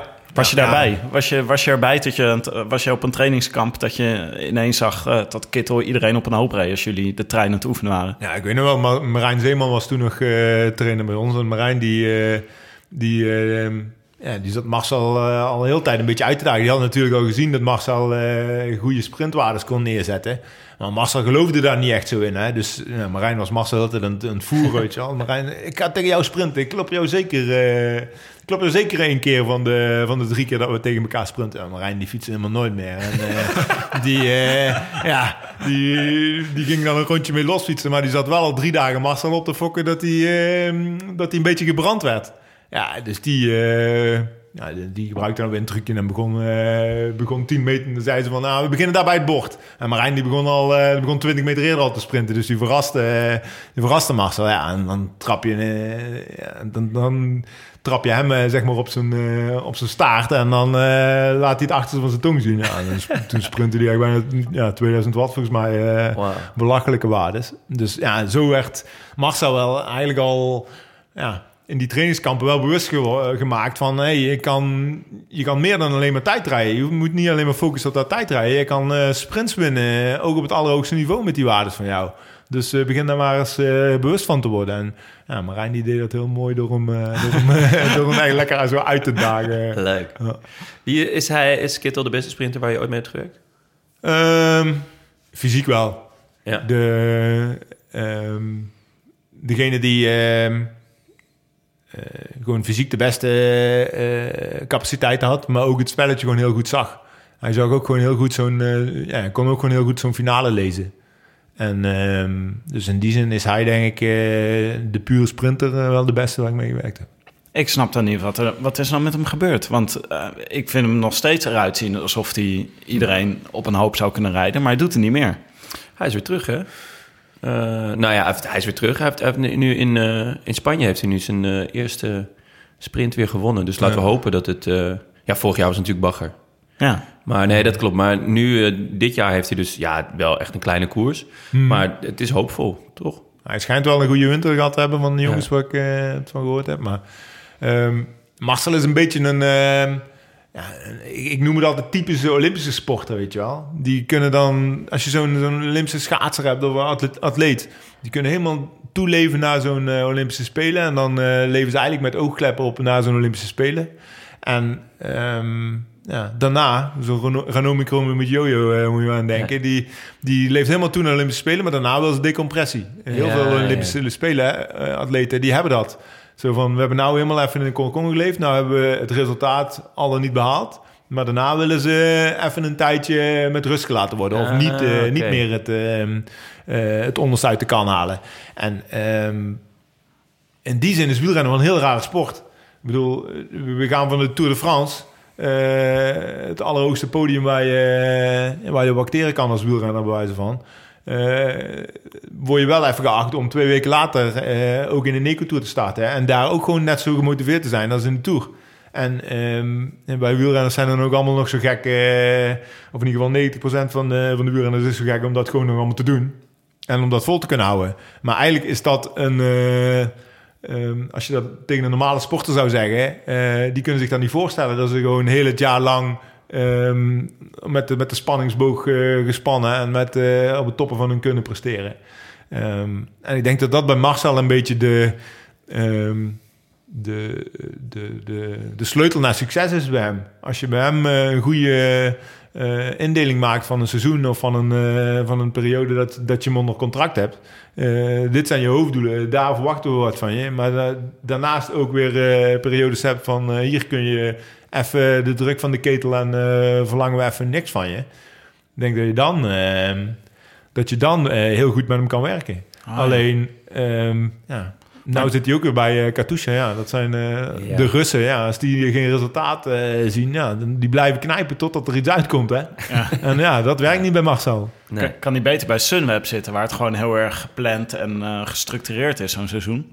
Ja, maar ja, dat werkt op een gegeven moment ook niet meer. Gewoon juist omdat ja, wij wel een ploeg zijn waar we... ehm, we verwachten wel, misschien niet heel het jaar door eh, ehm, de resultaten, maar wel gewoon inzet het hele jaar door. En ja, wij zijn ook geen ploeg die zegt van eh, ga nou maar even eh, gedurende het seizoen eh, vier weken op vakantie en we zien je volgend jaar wel weer rond deze tijd. Zo zitten we ook niet in elkaar. Dus in die zin ja, werkte dat op een gegeven moment ook niet meer bij ons. Werden jullie ook niet gewoon te succesvol? Want jullie werden ook ineens heel goed in klassementsrijden. En jullie, jullie wonnen in één seizoen ongeveer 90% van waar- je aan meedeed, eh deed je mee om de prijzen. Ja, we hadden wel natuurlijk een luxe positie. Dat je, ja, je had, Marcel, eh, wat eh topsprinter was. Je had John Dinkel, die een, een topklassieke renner was. En ja, je had Tom natuurlijk, die, waar iedereen zag van, die komt eraan. En dat gaat een, een topronde renner worden. Ehm, en die ontwikkelde zich nog eens sneller dan dat je eigenlijk zou, eh, ehm, ja, zou durven hopen. Ehm, dus we hadden wel een luxe positie dat dat, dat, dat niet meer kon... Ja, dat je niet op die drie, drie pijlers kon blijven eh, leunen. Ja, dat was natuurlijk wel duidelijk. En ehm, ja, ik zal niet zeggen dat het... eh, ja, het was natuurlijk wel eh, wachten op het moment dat er eentje ergens links of rechts wegvalt. Ja, maar wat- maar wat betekende dat voor jouw rol op dat moment? Want jullie hadden een heel duidelijke rolverdeling met die sprinttrein. En toen de ploeg, zeg maar, de ploeg van samenstelling veranderde, of van, eh, nou ja, jullie werden zo succesvol dat jullie overal meededen, Ja. werd jouw rol waarschijnlijk ook anders in die Ja. jaren. Hoe is dat, eh, hoe is dat na die, eigenlijk na de sprinttrein? Hoe heeft zich dat ontwikkeld? Ja, eigenlijk ehm, toen Marcel ging, toen, eh, toen hadden we eigenlijk nog John. Ehm, die gewoon, ehm, want eigenlijk 2015 heeft Marcel nog bij ons gefietst. Maar ja, hij zat niet meer zoveel op de fiets, dat ik zo zeggen. En eh, ja, dat was het jaar dat John die klassiekers eh, eh, begon te winnen. Dus dat hij Parijs-Roubaix won en Milaanse Remo won. Dus ja, in, in die zin, toen veranderde er niet zo heel veel. Want ik was eigenlijk gewend om ja, de ene helft van mijn seizoen met Marcel te, te rijden. De andere helft van mijn seizoen met John. Ja, weet je wel, om en om een beetje. Dan, dan een koers met Marcel, dan een koers met John. En 2015 heb ik alleen maar met John gereden. En ehm, ja, in feite was het nog altijd sprint. Als het, eh, als het, als het sprint werd, dan eh, was John de sprinter in plaats van Marcel. Dus dat veranderde niet echt. En in de klassiekers deed je gewoon hetzelfde als we altijd eh, in de klassiekers deden met, met Marcel. Maar ehm, ja, eigenlijk toen, toen John vertrok, dat was eigenlijk het, ja, de, de grote omslag, zeg maar. Toen werd ook echt gewoon meer geïnvesteerd in, in, in het ronde werk, dus in, in klassementswerk. En ehm, ja, had je dus eigenlijk al nooit meer sprint als enige doelstelling. Het was altijd, eh, ja, we gaan voor een klassement. Daarnaast hebben we nog een sprint erbij met, Ma- met Michael of met Phil of met ja, eh, Max, eh, Max Warside. Was dat ook het moment dat jij wegkapitein werd? Of was je dat al eerder? Nee, dat was ik eigenlijk al eh, mijn eerste jaar als beroepsrenner in 2008. Ja? Ja? Oh. Ja. Hoe, hoe, hoe werkt zoiets dan? Is, zit, is dat natuurlijk leiderschap? Of, of voelde dat gewoon... Of heeft de ploeg gezegd van... Nou, jij bent wegkapitein. Of hoe werkt dat? Ja, ik denk niet zozeer dat het... ehm, het moet natuurlijk wel een beetje in je zitten. Ehm, maar ik zeg ook, ik ben... Ja, mensen die mij kennen, ik ben geen alfa-mannetje... die, eh, die bovenop de apenrot staat en eh, ja, op, op die wijze zijn, eh, zijn gezag wil laten gelden. Ehm, ik denk dat het in je persoonlijkheid moet zitten om, om verantwoordelijkheid te nemen. En je moet overzicht hebben als, eh, als wielrenner. Eh, je moet weten wat er gebeurt in de, in de wedstrijd. Dan kun je zo'n rol, eh, zo'n zo'n rol vervullen.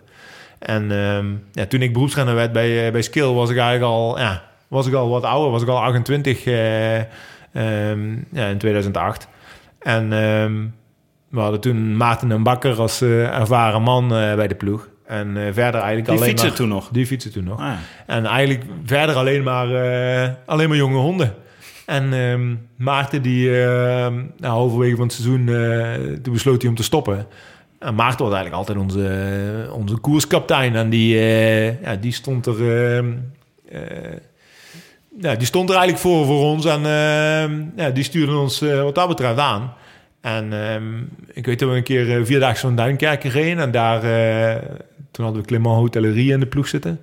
En nou, dat was een speciaal gastje, maar eh, die, ehm, die, die werd daar tweede in de, in de rit. In één keer hadden we een jongen in het klassement staan en Maarten was er niet. En eh, ja, het was echt gewoon een beetje zo van, shit, wat moeten we nou doen, weet je wel.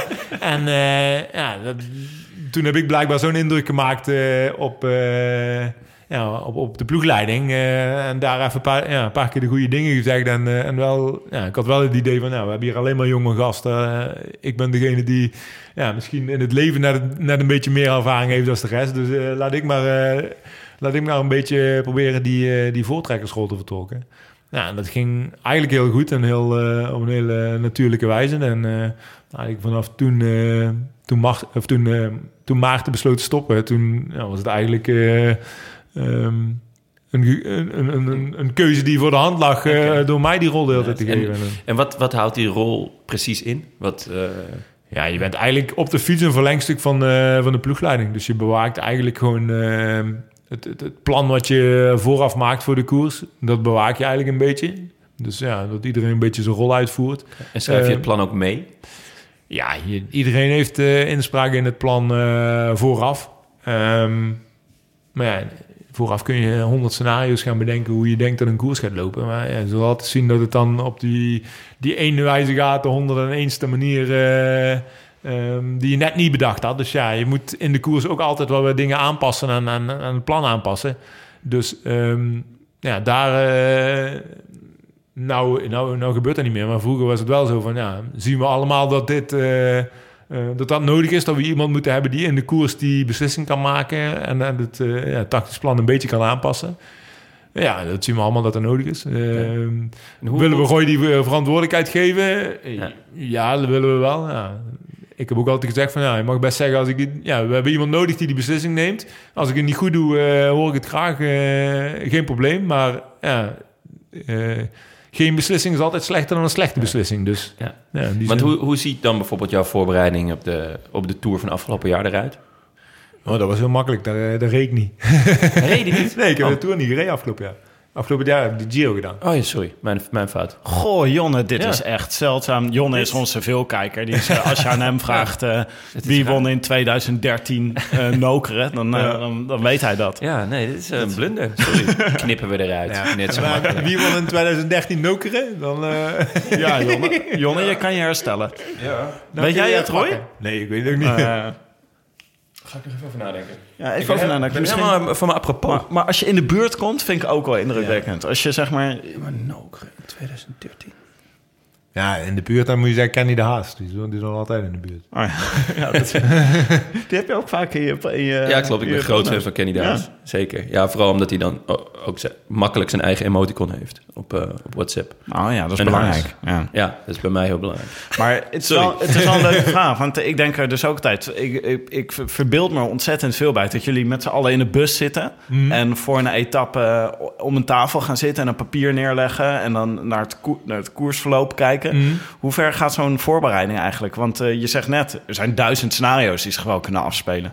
Maar wat ga je eigenlijk uittekenen dan van tevoren... als jullie, dat, eh, als jullie een etappe plannen? Dat ligt heel aan wat, eh, wat voor een etappe het is. Ik bedoel, zo'n sprintetappe, daar, ehm, ja, daar, daar kijk je globaal naar de eerste, eh, ja, naar, de, naar, het, naar het parcours. Ehm, maar dan kijk je heel erg in detail naar die laatste kilometers. Dus dan moet je echt weten waar, eh, ja, ligt de rotonde, ligt die op 800 meter of is dat 1100 meter? Ja, waar ligt de bocht? Eh, hoe liggen die bochten? Hoe breed is het daar? Eh, kunnen we daar met meerdere ploegen naast elkaar of is het eentje? En, dus daar ben je echt heel erg in detail met die laatste kilometers bezig. Maar ja, ehm, ben je voor een bergetappe eh, met Tom bijvoorbeeld bezig, ja, dan ben je veel meer bezig met wat andere ploegen zullen doen, weet je wel. En dan ben je veel meer het grote tactische plaatje aan het, eh, aan het bedenken. Dat doe jij, daar ben jij dan ook bij betrokken. Want je Ja, bent op zich geen eh bergspecialist. Nee, maar ik Maar kijk ook wel heel veel wedstrijden, net zoals jongen. Ja, Nee, maar goed, daar ben je ook bij betrokken. Ik bedoel, als je, als, je, als je captain bent, dan moet je eigenlijk altijd wat meer over het parcours en over de koers weten dan, eh, eh, dan de rest van de ploeg. En ehm, dus ja, daar, daar hoort ook gewoon huiswerk, eh, huiswerk maken bij. Hè? Dus eh, Ja, hoe ver ga je in die rol? Ja, ik zorg wel dat ik altijd eh, goed voorbereid ben. eh, Zo'n fout als die, die ik net maak, die zou je niet maken. Nee, ja, goed. Op een gegeven moment heb je zoveel koers gezien. En zoveel, ben je in zoveel koersen geweest. Dan weet je niet meer of het, dat- was dat nou vorig jaar of was dat twee jaar geleden. Of eh, was het toch al in 2012. Ja. Dus ehm, op een gegeven moment... Ja, als je, als je veel ervaring krijgt, we het daar maar op houden, jongen. Dan eh, kun je jaartallen nog wel eens door elkaar halen. Maar, maar wat doen jullie dan als je... Wat ik vond zo mooi wat je net vertelde... dat eh, Lo- Lotto aan de ene kant het eh, parcours blokkeert... en eh Quickstep gaat aan de andere kant zitten. Volgens mij noemen we nu Quickstep als voorbeeld. Ja. Gaan jullie, ga je dan van tevoren gaan jullie bedenken... hoe jullie dat, door, dat probleem omzeilen of doorbreken? Ja, ja dan, dan ben je wel aan het kijken van waar zou... waar komen mogelijkheden dat we, dat we er langs kunnen? Of ja, hoe gaan we erop anticiperen? Daar, eh, dat zijn wel dingen waar je mee bezig bent. Ik weet, de Tour twee jaar geleden, daar ehm, ik deed de sprintvoorbereiding voor, eh, voor Bling, voor Michael Matthews, die, eh, ja, die uiteindelijk groen won. Maar ja, dat was ook gewoon, die groene trui was wel een doel op zich. Dus ja, we wisten van, ja, hij hoeft die, die, die vlakke sprints niet te winnen. Maar hij moet wel eh, ja, zorgen dat hij daar zoveel mogelijk punten pakt de hele tijd. En ehm, dat we daar gewoon echt eh, een paar keer er gewoon helemaal niet in slaagden ehm, om, om, om hem op een fatsoenlijke manier te brengen. Ja, dat we echt gewoon weer terug zijn gegaan naar het, eh, naar het kijken van, eh, van video's van die finales. Van hoe doen andere ploegen het? Kunnen we daar een trend in zien van eh, ja, wat, wat is er hier nou ontstaan? Hoe, hoe, ja, hoe gebruiken andere ploegen hun renners? En hoe moeten we daarop anticiperen? En ja, dat zijn wel dingen die... Ja, daar ben je als, als captain dan zeg maar mee bezig... terwijl je andere ploeggenoten eh, op de massagetafel liggen... of eh, een Netflix-serietje kijken. Ja, dan ben je daar, eh, ben je daar wel eh, in het duiken. En ehm, ja, de ene keer dan betrek je daar... eh, toen lag ik bij Michael op de kamer, dus dan betrek je Michael erbij.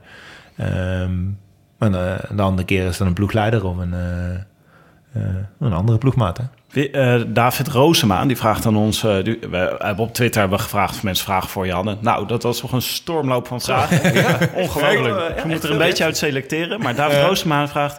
Wie is je favoriete kapitein aller tijden? Zijn er, zijn er ook kapiteins waar je die, je- die je bewondert of die je volgt? Ehm, ja, de de meeste indruk op mij maakte Steven de Jong vroeger. Dat vond ik vroeger altijd een, eh, een hele goede renner. En ehm, ja, eh, leerde hem natuurlijk ook kennen toen ik, eh, toen beroepsrenner werd. En ja, ik denk dat ik... Steven was... Ik reed bij Maarten de Bakker in de ploeg. En Steven en Maarten, dat waren gewoon goede vrienden. Dus eh, zo leerde je eh, Steven ook kennen. En dat ik in de koers gewoon ook dingen van Steven leerde... ook al reed hij helemaal niet bij me, bij me in de ploeg. Ehm, ja, dus ik, ik, ik was hem altijd wel aan het volgen, zeg maar, als, eh, als, buitenstaander. En eh, ja, toen ik hem eigenlijk ook leerde kennen, toen had ik eigenlijk nog alleen maar meer, eh, meer respect voor de, voor de renner die hij was en ook voor het, eh, voor het palmarès wat hij opgebouwd heeft. Toch eigenlijk een, een, ja, een, een renner die eh, zeker in zo'n klassiekers ehm, wel eh, een hele goede luitenant was of, of captain, zeg maar. Maar daarnaast ook gewoon ja, capaciteit had om, om zelf koers te winnen. En dat ook niet vergat als hij daar de kans voor kreeg. Ah ja. Ik zag in... er is een documentaire die heet Time Trial van... ehm, eh, hoe heet hij ook weer? Die Dave, David... ehm, eh, shit, nou ben ik zijn naam kwijt. Nou, kom ik zo op terug. Maar die gaat over... eh, gaat over Miller, Dave Miller. Ja, ja precies. Ja. Ja. Sorry. En, en die probeert terug te komen in het peloton. En die keert dan ook terug als wegcaptain. Ja. En op een gegeven moment zie je zo'n fantastische scène... dat in een bergetappe... dat de wegcaptains allemaal vooraan gaan rijden in het peloton... om te voorkomen dat er renners wegrijden. Ja. Is dat ook onderdeel van wat jij, eh, van wat jij doet? Met de andere wegcaptains overleggen om de koers op slot te zetten? ja, dat doe je ook wel eens, ja. Ja, heb je, heb je wel eens ook zo'n geblokkade gedaan? Ja, ja. Ik weet nog wel, Tirreno een aantal jaar geleden, toen... eh, ehm, toen eh, reden we ook met... Ja, er waren een aantal sprint, eh, sprintploegen. En ehm, ja, het was een heel smal... Was meteen bergop eh, vertrek. Dus neutralisatie. Ja. Eén één. En ehm, dan bergop vertrekken. En ja, we hadden al met een paar, met Lotto en Quickstep, eh, toen de sprintersploeg hadden we al zo van, ah, het zou beter zijn als het niet te lang duurt. Zullen we niet gewoon een beetje van voren starten en dan proberen we het snel te blokkeren. nou, de meeste van die sprintermannen die kunnen nog wel eh, goed wringen. Dus in, eh, ja, voor, voor eh, lead-out ga- gasten is het geen probleem om vooraan te zijn bij het einde van de neutralisatie. Ja, Ja. We wurmen ons wel weg naar voren. Dus ja, die neutralisatie was afgelopen en nou, we reden daar eh, echt gewoon alleen maar eh, Argos, eh Argos Quickstep en Lotto op de eerste rij. En, eh, Een Vlaams-Nederlandse muur. Ja, poef, poef, poef. vijf renners weg, denk ik. En ehm, ja, ik reed aan de linkerkant en aan de buitenkant. En ehm, ja, ik voelde achter me, dat voel je dan. Hè, als er renners in je wiel zitten die eigenlijk er voorbij willen. En ik voelde zo achter me een paar man zitten. En ik keek zo. En volgens mij is Sieberg weer die naast me reed. Dus uh, die was tegen mij bezig van... Links, hou het dicht, hou het dicht, hou het dicht. en, eh, maar Simon Geske die zat daar dus in dat rijtje van die vier die achter mij zitten te duwen. Die zat daar zo van... ehm, ja, gooi, je moet echt het doorlaten, want ik wil mee, ik wil mee, ik wil mee. Dus ja, een ploeggenoot zat er zo. Ik zeg, ja, sorry Simon, maar eh, dit is even een betere situatie. nu kan ik even niks voor je doen. en eh, ik, ja, ik weet op een gegeven moment door het gras kwamen er een paar zo voet. en eh, toen zag ik zo'n ehm, zo'n parkeeravondje. Dus ik zeg, Simon, een parkeeravondje. Dus ja, dat hij even over het parkeeravondje kon en er dan nog net voorbij. Oh, Dus toen kon Simon nog ehm, net, net er voorbij en eh, in, die in die vroege vlucht toch nog mee. En ehm, ja, dat was die, eh, dat, dat was die Tirreno dat eh, op het laatst zo'n heel steil muurtje. Ik, volgens mij werd Simon Geske net op 500 meter van de finish ingehaald door eh Contador en werd Simon tweede in die etappe. Ah, Dus achteraf eh, ben ik blij dat ik hem nog heb laten gaan. maar toch heb ik licht nationalistische trots als ik dit zo hoor. ja. In de Tirreno. Oh, heel vet. Eh, ja, dat mooi. Leuk. Ehm, laten we het hebben nog even over komend jaar. Eh, want eigenlijk, er gingen geruchten dat je ging stoppen. Eigenlijk al eh, dat, je dit, dat je dit jaar zou stoppen en eh, wel bij Sunweb zou blijven en in de ploeg eh, aan de slag ging. Maar nou ja, we hebben het er al van tevoren even over gehad eh, hoe snel ja, dit soort dingen gaan tegenwoordig. Je had dat helemaal niet zo gezegd, of wel? Of je had het een beetje door laten schemeren en toen hadden mensen gedacht van nou ja, hij stopt ermee. Maar je vond het gewoon nog te leuk. Ja, ik vond het gewoon nog... ehm, vorige winter ging het nog gewoon zo goed. eh, en was ik nog eigenlijk zo gemotiveerd. Dat ik eigenlijk dacht van ja... Als dit nou mijn laatste jaar zou zijn... eh, ben ik misschien nog, ja, nog te vroeg gestopt. Dan eh, had ik zoiets het idee van... Ja, stel nou dat ik... Dat ik nou volgend jaar niet meer fiets en ik zie die jongens de hele tijd vertrekken. En ik had er eigenlijk zelf nog het liefst bij gezeten. Ja, dat is ook geen goede situatie natuurlijk. Hè? Nee. En ehm, ja, links en rechts in, in de ploeg van jongens die, ja, die eigenlijk die ik mijn hele carrière naast me heb gehad. eh, Albert Timmer, Tom die ja, eigenlijk nooit gedwongen hebben moeten stoppen. Ehm, en dacht ik van ja, Roy, jij zit in een luxe situatie dat je de keuze zelf hebt om te bepalen wanneer je stopt. Ja, even dagen later of de ploeg me nou eh, nog kon gebruiken, laat het zo zeggen. Ehm, dus ja, toen ben ik gewoon met de ploeg weer in, eh, in gesprek gegaan van... eh, ja, ik zie het nog wel zitten om nog een, eh, nog een jaar langer door te gaan. En ja, de ploeg zag ook gewoon een hele hoop eh, ehm, ja, ervaren jongens wegvallen. Dus ja, het kwam er eigenlijk ook nog wel, nog wel goed uit. En ehm, ja, dus toen was het eigenlijk heel snel ik heb nog een, nog een vraag van eh Laurens Tendé uit Ouddorp. Ja. Ehm, misschien wel van de ene ancien naar de ander. Jullie zijn van het, ja, hetzelfde jaar volgens mij zelfs. Eh, in, in welke mate begin je de leeftijd te voelen? Ehm, ja, eh, het is. ehm, je merkt gewoon dat je, dat je levenssituatie anders is dan de meeste, de meeste renners. Ja, je hebt gewoon een gezin met drie kinderen en ja, dat, dat, dat maakt het anders. Eh, maar aan de andere kant merk je gewoon ook als je op een bepaalde leeftijd komt, dat je veel meer in balans bent, ook als sporter. Dat je gewoon weet wat je kan en weet wat je, wat je niet kan. Ehm, ja, als, je, als je 23 bent, dan heb je nog dromen dat je het ene jaar zoveel beter bent dan het andere jaar. En ehm, nou weet je gewoon van ja, ik ben waarschijnlijk gewoon dezelfde renner als die ik vorig jaar was. misschien, misschien een procentje minder, maar dat vang ik wel op door ervaring. Ja. En ehm, ja, dat is eigenlijk ook wel heel lekker sporten hoor. Te weten wat je kan en wat je niet kan. Dan kun je gewoon heel realistische doelen stellen. Hele, ja, hele reële doelen. Dus eh, weet je wat, je wat je voor de kiezer krijgt. En ehm, ja, in, in die zin merk je wel gewoon dat je niet meer de sprintwaardes rijdt die, eh je vroeger reed. Maar aan de andere kant, ja, als je ouder wordt, word je ook, eh, word je ook taaier op een of andere manier. Dus ja, zo'n zo'n grote ronde, dat ja, zou ik misschien zeggen, dat gaat me nog eerder makkelijker af op deze leeftijd dan, wanneer, het- dan toen ik 30 was. Ja. Ja. Maar ben je eigenlijk ook niet in opleiding om eh, ploegleider te worden? Ik bedoel, is dat niet iets waar je een beetje naar vooruit kijkt? Ja, ja. Ik bedoel, het zou een hele logische stap zijn ehm, na de rol die ik nou ook heb. Ja. Eh, dus, Maar zou je het leuk vinden? ik denk ook wel dat ik het leuk vind. Alleen, ehm dat is één groot ding wat, ik, eh, wat me tegenstaat aan het wielrennen. Dat is het zo vaak van huis zijn. En eh, dat is ehm, als ploegleider gewoon niet minder dan eh, wanneer je wielrenner bent.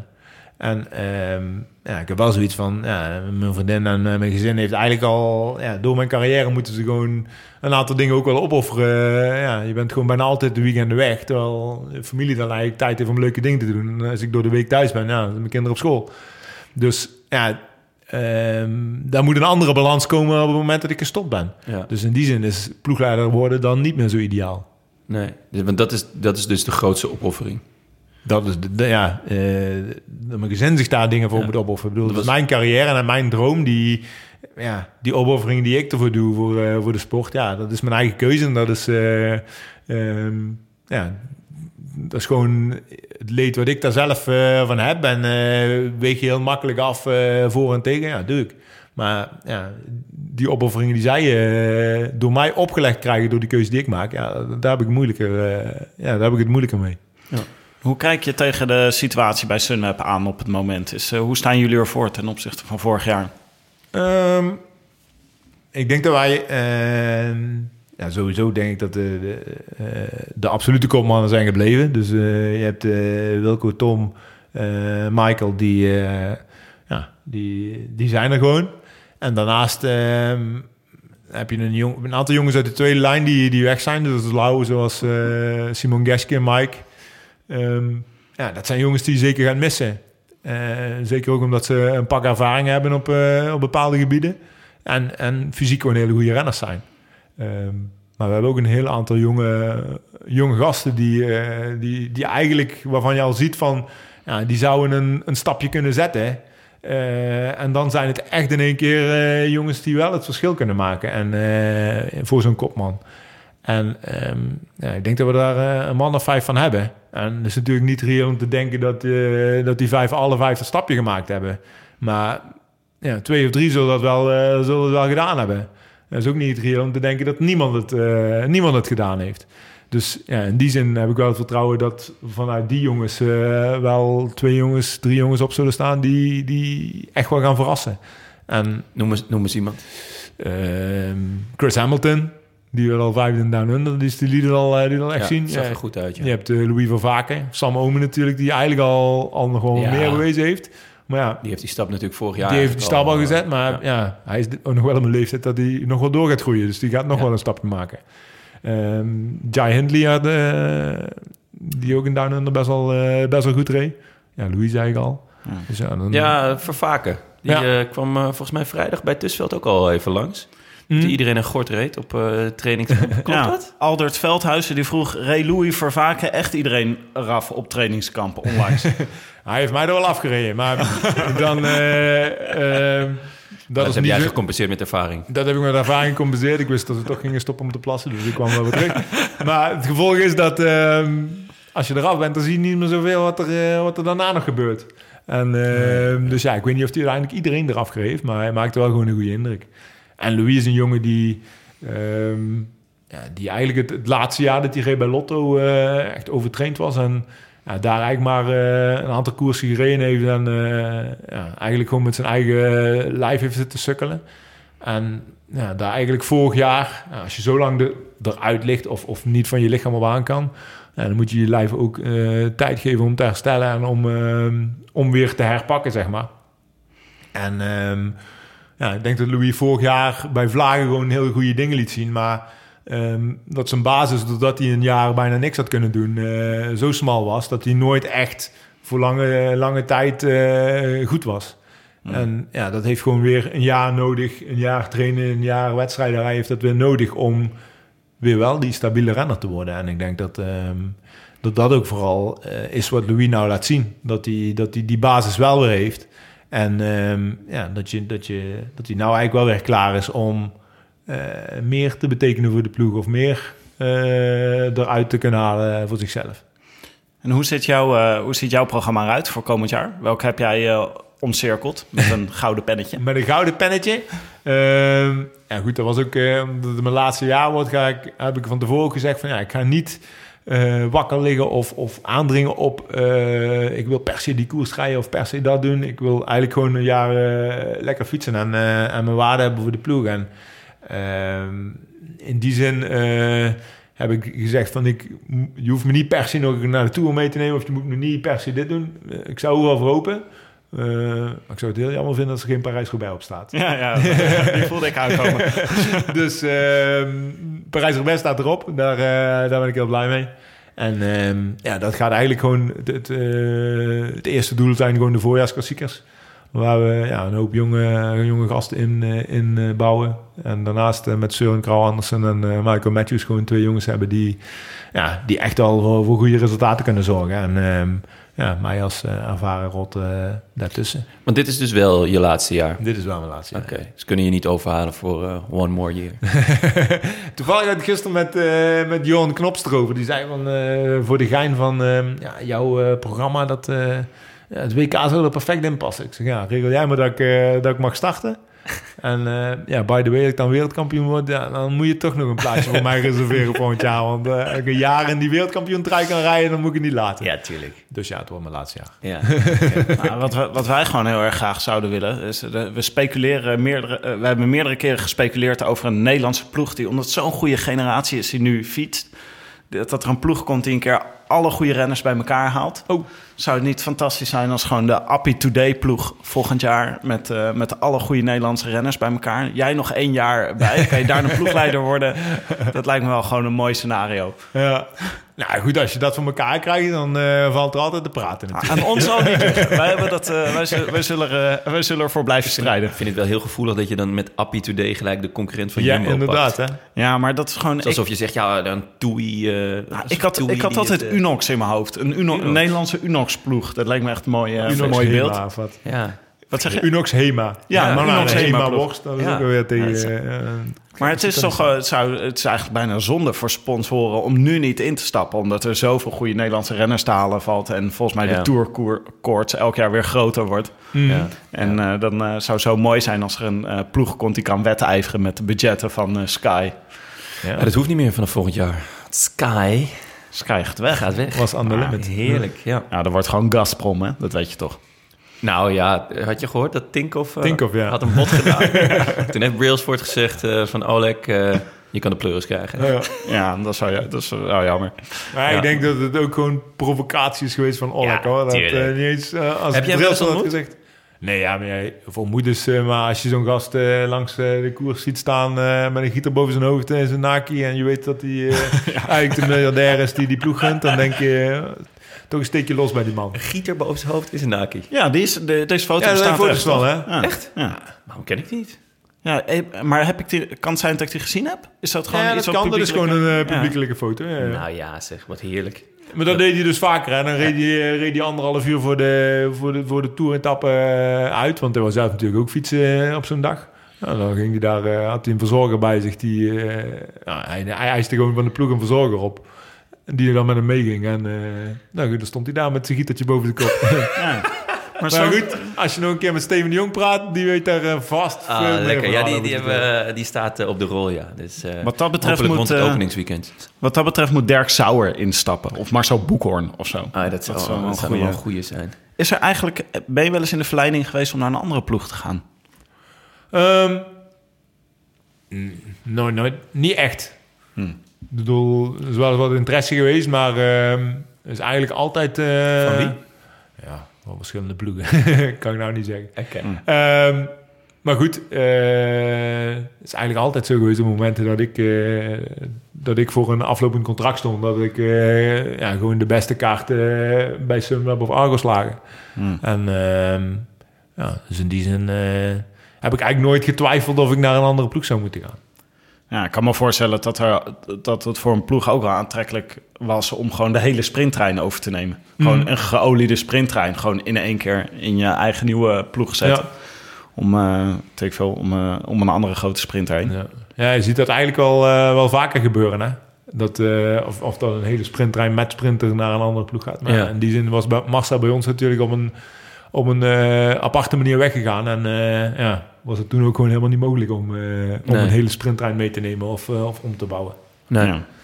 Bovendien kwam je bij Quickstep natuurlijk ook wel in een gespreid bedje. Inderdaad, daar, eh, daar hadden ze niet zo, eh, niet zo nood aan, eh, aan, aan sprintaantrekkers. Maar heb je nog geen, eh, voor komend jaar nog geen... je, je weet nog niet of je Giro of Tour eh Nee. gaat doen? Dat we- laten jullie tot het laatste moment, stellen jullie dat uit? Ja, maar in dat? principe ehm, Beide ploegen staan wel redelijk vast, toch? ja, Oh. staan redelijk vast en sta ik niet tussen. Dus ik, ik sta wel reserve, maar ehm, ja, in, in, de, in de, de, de eerste keuze in, eh, in de winter, daar sta ik er nog nergens bij. Dus, eh, Hmm. En dat is omdat, omdat ze, eh, ze zich op eh, klimmers richten waarschijnlijk dan? ja, dat ze zich eh, ehm, veelal op, op klimmers richten. En dan in de Tour is eh ploegentijd dat weer heel belangrijk.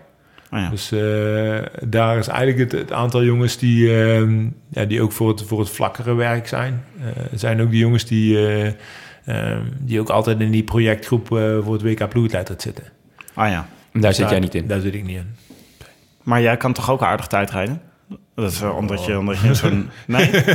Nou ja, nee, ik zou me kunnen voorstellen, omdat je in zo'n sprinttrein eh, zit... Ja. dat je gewoon gewend bent om in zo'n ploegtijdrit eh ja goed in de mee te ploegentijd draaien. dat kon ik... Ja, dat, dat, als ik daar echt gewoon op train, dan eh, kan ik daar ook wel eh, mijn mannetje staan. Maar goed, dan ben ik niet degene die het verschil maakt. Ah ja, precies. En eh, ja, dat willen ze eigenlijk in die ploegentijd dat wel, weet je wel. Dan willen ze echt een paar motoren. Zo'n Søren Krag Andersen, die maakt wel een andere indruk op het, op het vlak in zijn ploegentijd dan ik. Dus Ja. wat dat betreft heb je daar wat meer pk's in huis. We hebben nog één leuke vraag van Arjen Westerveld. Eh, die zegt, ik moest plots aan een bidon-incident denken bij hem tijdens het Giro een paar jaar terug. Die actie was te rechtvaardigen. Maar wanneer had je voor het laatst spijt van een beslissing tijdens de koers? Oeh, Ja. dat is een goede vraag. Of heb je, maak je eigenlijk alleen maar goede beslissingen? Maar maak alleen maar goede beslissingen. Nee, ja. ehm, spijt. Ik zei al vaker van ik... eh, ehm, ook zei al eerder van... eh, geen beslissing nemen is vaak... eh, ehm, eh, vaak minder goed dan een, dan een verkeerde beslissing nemen. Dus soms heb ik wel eens niet ingegrepen en, en dingen laten gebeuren... waar ik eigenlijk had moeten ingrijpen.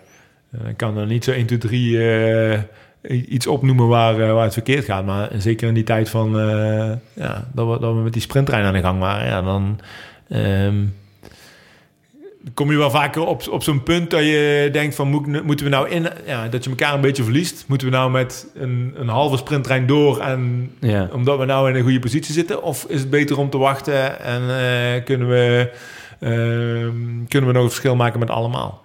En in die zin is, ja, is vaak nooit een, eh, een goed of een fout. Want als je dan een keuze maakt, ja, dan eh, kun je aan de ene kant kun je wel iets recht zetten. Aan de andere kant eh, hoef je niks recht te zetten als je geen positie verliest.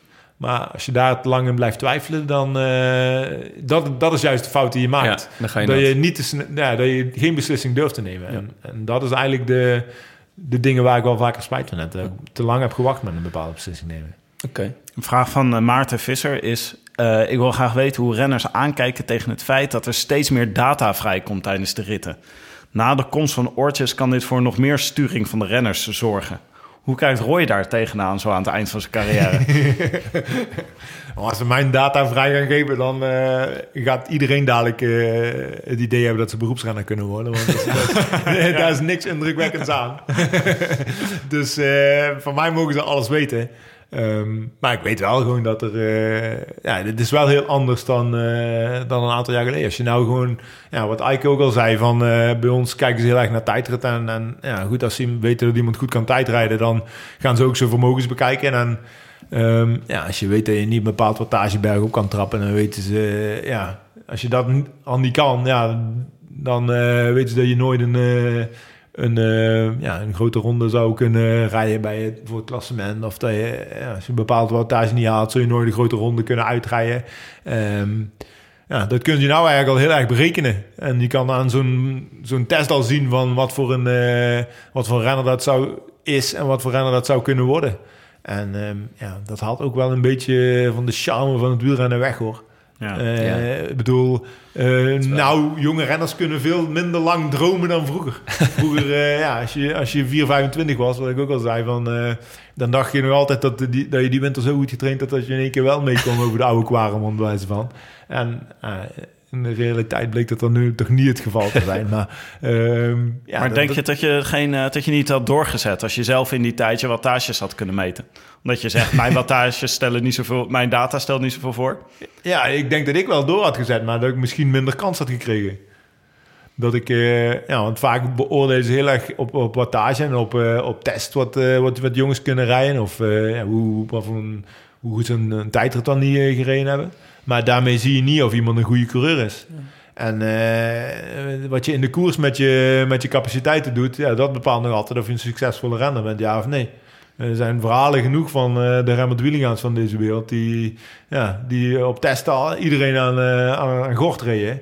Maar in de koers eh, ja, er zat geen kop op, eh, wat ze dan zeggen. Ah, ja. ja. jongens waar geen kop op zat, ja, die, Ja. die werden in de tijd van Razen van, eh, eh, van Post nooit geen beroepsrenner. Want er zat geen kop op. Ja. En nou halen ze juist die jongens zonder kop eh, goede wattages. over met goede wattages. Ja. Die, halen, ja, die halen ze over naar de beroepsrenners en dan proberen ze er nog iets van te maken. Ja. Maar is Sunweb dan ook in die categorie best wel eh, eh, eh, toonaangevend? Dat jullie veel, zijn jullie veel met data en wattages bezig ten opzichte van de andere ploegen? Nee, ik denk dat iedere ploeg dat doet. Of ja, in ieder geval... Hetzelfde, op de dezelfde manier ik denk, als eh, Ik denk dat eh, Lotte Jumbo het niet eh, veel anders doet dan, eh, dan Sunweb. En dat, dat Sunweb uiteindelijk ook niet veel anders doet dan Sky. Ehm, ja, alleen eh, vaak is het hoe ze het naar de buitenwereld toe verkopen. eh, is nou eh, net wel wat anders. En Ja. ja, ik denk dat dat eh, ehm, in de top, eh, top 10, eh 12 van de, van de ploegen... dat het allemaal een beetje op dezelfde manier gaat. Ja, dus er- er bungelt alleen nog een groepje ploegen onderaan die daar gewoon niet aan meedoet. En, eh, Ja, die het gewoon op, op een oude, ouderwetse of eh, ja, wat meer traditionele manier doet. Of gewoon ja, Ja. die een investeerder hebben Wat die ik- hartstikke gek is en eh, die er gewoon geld in steekt en eigenlijk maar wat doen. Wat ik nog, eh, nog wel interessant vind, want je zei je bent op je 28ste prof geworden. Mm. Hoe heb je het dan gedaan tot je 28ste? Wat heb je in godsnaam gedaan voor je 28e? Dat Waar was je? Zeg maar, ehm, reed je dan voor, wel voor een klein contract ergens? Of, of eh, werkte je nog daarnaast? Of eh, had je een uitkering? Of, eh, hoe, hoe, hoe ging dat? Nou ja, ik, ehm, ik heb altijd gefietst vanaf mijn tiende, wat ik al zei. En ehm, ja, ik was zeker, ik ben 27 december ben ik geboren en ik was ook best wel laat in mijn ontwikkeling. Dus ik was eigenlijk als nieuweling junior, was ik altijd, eh, ja, ik was nog in de groei. Ik groeide volgens mij van, van mijn, ehm, eh, mijn eerste naar mijn tweede jaar junioren, groeide ik in, in een winter 15 centimeter. Eh, nog, terwijl andere jongens bij, met Ja. 16 al uitgegroeid zijn. En ehm, dus ja, wat dat betreft was ik al, al, achter zeg maar, in de ontwikkeling eh, als, als, eh, als jongen ten opzichte van mijn leeftijdsgenoten. Maar ehm, ja, ik was in die zin eh, geen hoogvlieger bij de junioren. Ik won wel eens wat, maar ja, er waren zo eh 10, 15 beter in mijn, in mijn generatie. Dus het was nooit reëel om te denken dat ik ooit beroepsrenner zou kunnen worden. Dus ja, die droom die had ik al vrij snel in de, in de ijskast gezet. En ehm, eigenlijk eh, heb ik altijd school de voorrang gegeven. En ook ja, de jongens die wat met mij begonnen eh, Frans Maas te spelen, die waren ook allemaal gestopt en eh gingen op stap. En ik ging wel mee. Alleen hun gingen dan op zondag voetbal en ik wielrennen. Ja, prima.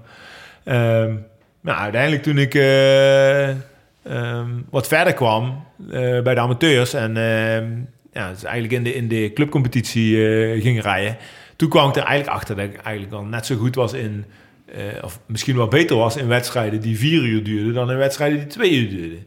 Dus in één keer, ja, jongens die me in die criteriums allemaal eh, om de oren reden. eh, ja, na vier uur was bij hun het kaasje uit en waren die in één keer een stuk minder. en ik was eigenlijk nog altijd gewoon hetzelfde. Dus toen kwam ik er eigenlijk om een, om een 1,22 pas achter dat ik eigenlijk het moest hebben van langere, langere wedstrijden in plaats van die criteriums wat ik al altijd deed. En ehm, toen ben ik eigenlijk eh, naar Groenewoud, de in Nijmegen, ben ik overgestapt eh, op mijn 21ste. En ehm, ja, daar heb ik anderhalf jaar gereden. En toen kon ik eh, naar Van Hemert groep, wat toen een, een continentale ploeg was. Met Arthur van Dongen, die nu ook weer ploegleider bij ons is. Ehm, en daar ben ik eigenlijk toen vijf jaar semi-prof geweest, zeg maar. Dus heb ik daar eh, voor een klein contractje gereden. En dan reden we de wedstrijden eh, ja, op 1.1 niveau reden we allemaal. En dat aangevuld met, eh, met amateurkoersen. Dat was wel fulltime wielrennen, was dat? Of was dat erbij toen, eh, eerst zat ik nog op school en toen ik mijn studie logistiek en economie af had gerond, toen ben ik eens gaan kijken van, ja, ik was, ja, was, was klaar met mijn studie en eh, in de logistiek, ja, dan was het eigenlijk eerder 50 uur werken dan 40. Laat staan eh, dat ze iemand eh, aannamen die voor 20 uur een baantje zocht en ehm, eh, daarnaast wou wielrennen. Oh ja, en ik was ook nog eens af en toe een, een hele week weg, want dan was ik alweer etappekoers.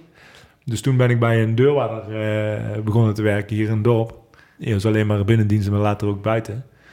En eh, ja, dat heb ik eigenlijk eh, vier jaar, een dikke vier jaar gecombineerd met, eh, met fietsen bij, eh bij Van Hemert Groep. Oh, maar dan snap ik wel waarom jij zo'n goede wegcaptain bent. Als je deurwaarder bent geweest. Ik, kan wel wat, ik kan wel wat afdwingen, ja. S ochtends op alle deuren. Jongens, wakker worden. Ja, mooi. Van deurwaarder naar, eh ja, naar sprintentrekker en wegkapitein. Ik had nog één vraag die ik wilde stellen van een, door. lu- luisteraar van Pieter van Kan. Die vraagt, wie is de meest onderschatte ploegmaat waarmee je hebt gekoerst? Ah ja, leuke vraag. Leuke vraag. Ehm, ja, dat is een makkelijke, is Albert Timmer. Ja? ja? Want die, eh, ja, als je het over eh, vermogens hebt, eh, wat die kan trappen, daar, eh, ja, daar, daar sla je van achterover eigenlijk voor eh, hoe allround het die is.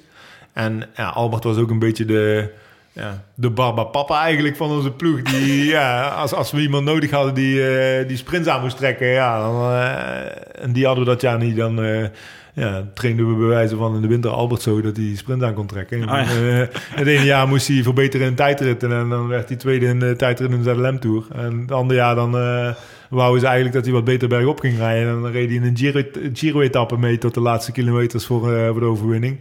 Ja, die jongen die kon zoveel eigenlijk. En ja, allemaal in dienst. Maar ja, wat je van hem vroeg, dat, eh, dat kon onderhand. Terwijl ze, ja, mij moesten ze niet vragen om, eh, om een klimmer bij te staan eh, na de eerste beklimming. Want dan was ik er al lang af. Of, eh, Ja. Ja. ja. Oh, wow. Maar dat is, ja, dat is een ontzettend ongrijpbare renner inderdaad. Maar jullie zeiden gewoon elke winter, zeiden jullie... Hup, hup, hup. Albert Timmer. Albert Timmer ja. En dan was die, dan was die, ja, inderdaad, zo ging het wel. Het is wel handig om zo'n renner erbij te En dan hebben. ging die krachttraining doen, werd hij in één keer 80 kilo. En dan dachten we, oh, Albert, dat is, dat is met jou. Maar Rijn Zeeman, die zei dan wel eens tegen Albert... Ja, Albert, jongen, jij bent echt zo, zo'n Joop Zoetemelk. Jij bent echt zo'n echte wielrenner die gewoon niks kan als alleen maar wielrennen. En eh, Albert zo, hoezo? Ik heb in de jeugd eh, gevoetbald bij, eh, volgens mij had hij bij Emmen gezeten, maar ik kon ook naar Heracles en, en naar Veendam of zoiets. Dus Echt overal veranderen. Weer, oh, maar Waarom hij hebben jullie zijn dan niet een keer geprobeerd... eh hup, hup, hup, eh, Albert Timmer, kop, eh, kopman in de Giro? Ja, dat ging dan, eh, dat ging Ja, dan want net niet. als hij dan zulke Ja. vermogens trapte, kon hij dan niet bijvoorbeeld ook afmaker zijn in de sprint? Ja, nee, Dat dat, was, dat, eh, dat was, eh, dat kon niet. Op een Maar of jullie hebben het nooit tegen hem gezegd? Ja, Wel, we hebben het te vaak zat geprobeerd. Maar ja, op een gegeven moment, ja, als het dan om, zich, om zijn eigen, voor zijn eigen kansen ging, ja, dan, dan was er al te verliezen. En dan, eh, dan voelde hij zich eigenlijk niet zo prettig. Ja, hij voelde zich daar ook gewoon niet prettig bij. Ah, ja. Hij was gewoon niet de jongen die, eh, ja, die een hele ploeg voor zich wilde hebben werken. Of die, ja, die die kansen kon grijpen op momenten dat het zich voordeed. Ja, dat, dat zat gewoon niet in hem. Hij vond, het- hij vond het zo wel hartstikke mooi. En, Ja. ja. ja, hij was altijd wel echt een hele gewaardeerde renner in de ploeg. Ja, geweldige, geweldige eh, ploegmaat kan ik me voorstellen. Ja. Ja. Oké, Ja, ehm, we, kunnen nog, eh, ja, we kunnen nog heel lang door blijven praten. We hebben nog, ook nog heel veel meer vragen van luisteraars. Maar Ja, we, we kunnen gewoon niet... eh, nou, we hebben kunnen eentje die we, we eh, sowieso de afsluitende vraag, maar eh, wat ook heel veel mensen eh, zich toch afvragen, ben ik ook persoonlijk voor benaderd of je van eh, shampoo bent veranderd. Sinds eh Alpecin eh, naar Katusha is gegaan. Ja, precies. Ik moet eigenlijk nee zeggen, hè, maar eh, eh, Ja, nog een voorraadje staan. Inderdaad. ik heb toen eh, die reclame gedaan, weet je wel, met Tom. Ja, die eh, reclame was echt goud. Ik heb dus eh, enorm geprobeerd de afgelopen dagen om die reclame te zoeken. Maar je hebt Ah, hij dus... is, is eraf gehaald, hè. Ah, ja, serieus. Die, Ja? die met dekenkolp is nog wel te vinden. Oké. Maar die, die met jou... maar twee minuten. Die, die heb ik dus is in de dark web Hij is verdwenen. gewoon nergens meer te vinden. Want ik dacht, nou, dan eh, mix ik hem, Mix je die eronder? mix ik hem erin. En, eh, maar eh, heb je hem zelf nog? Nee, ik weet niet. Ik heb er wel nog de shampoo die ik toen gekregen heb. eh, die heb ik wel nog. Maar dat heeft me een, eh, een week van mijn leven gekost, die, eh, die reclame. Wat dan? Ja. Die werd opgenomen de dag na, na Amstel. En ik, de, de ochtend van Amstel Gold Race voelde ik me al een beetje zo ziek worden. Maar ja, het was de laatste koers van het voorjaar. Dus ik denk, ja, pff, ik, ja, ik begin er toch maar gewoon aan. Ja, het ging ook nog niet slecht. Maar na 200 kilometer, ik was zo, ja, ik was zo slecht. Ehm, ja, ik wou niet opgeven, want ja, dat was natuurlijk toch de Amstel Gold Race. En eh, ja, eh, toch eh, in je eigen achtertuin, ja, daar wil je gewoon niet opgeven. Dus ik, ja, op, op mijn tandvlees die koers uitgereden. Nou, s'nachts werd ik me toch ziek. En zet het echt flink door. En eh, toen moesten we 's morgens die reclame opnemen. Dus ik was echt gewoon met zo'n, met zo'n hele heese stem, zo'n donkere stem, stond ik daar onder die douche. Nou, het ging ook maar steeds verkeerd, omdat ik me slecht voel. Ja, ik stond er onder, onder de douche in mijn onderbroek met natte haren. Eh, ja, die kamer was niet verwarmd, niks. Dus ik stond er ook nog eens in de kou. Was het wel een warme douche? Eh, ja, die, die douche mocht alleen aan, maar ik mocht zelf niet nat worden, want zou die shampoo overal gingen lopen. Dus die douche die mocht voor de, voor de gein mocht die naast me, naast me lopen. En ik moest er dan uitwijken voor die straal. En ehm, ja, dus, dus toen ik die reclame opge, opgenomen en ik eh, dus maandagmiddag hier in bed gekropen. En volgens mij heb ik er vrijdag pas uitgekomen. Ah, het was Eh, niet te zien. Het is echt een goede reclame. Ja, ik ben Echt, ook een hele eh, goede acteur Ja, natuurlijk. echt talent. Dus mocht je hè, volgend jaar stoppen, kan je gewoon altijd nog eh Reclames reclameacteur nemen. eh, Maar die worden. wielerreclames, ik kan ook gewoon... eh, Dat, ik associeer dat helemaal vol met... eh, dat, het is gewoon het wielergevoel... dat je de hele tijd die reclames opnieuw ziet terugkomen. Die krijgen ook zoveel voor je kiezen dan. Mhm. Ja, Wij door- zitten uren voor de tv Ja, door natuurlijk. Eurosport natuurlijk. Ja, Onze vrienden. Eurosport. Eh, nou ja, en dan de vraag der vragen. Dat is eh, Willems favoriete vraag. Welk dier zou je willen zijn? Eén dag. Eén dag. Ja.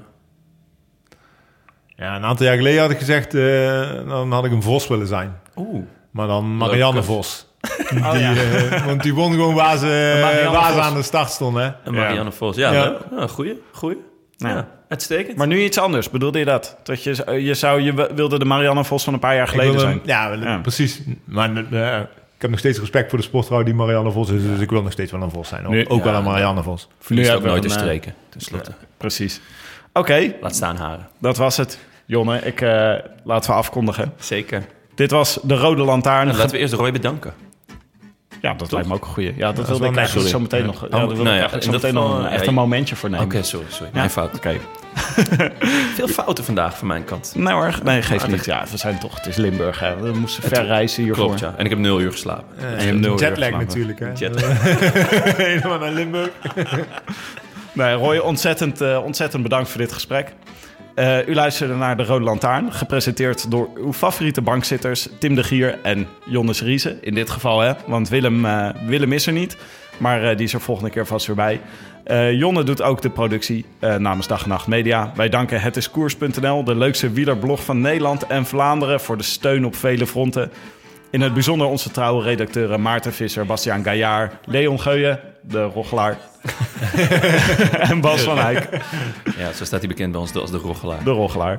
Wil je reageren op deze uitzending? Via Twitter zijn je te bereiken via Tim de Gier en Ton de Garçon, waarvan de eerste O een 0 is en dan de N is een 4 en de G is een soort rare, lage... Oftewel, laat me Ja, met rust.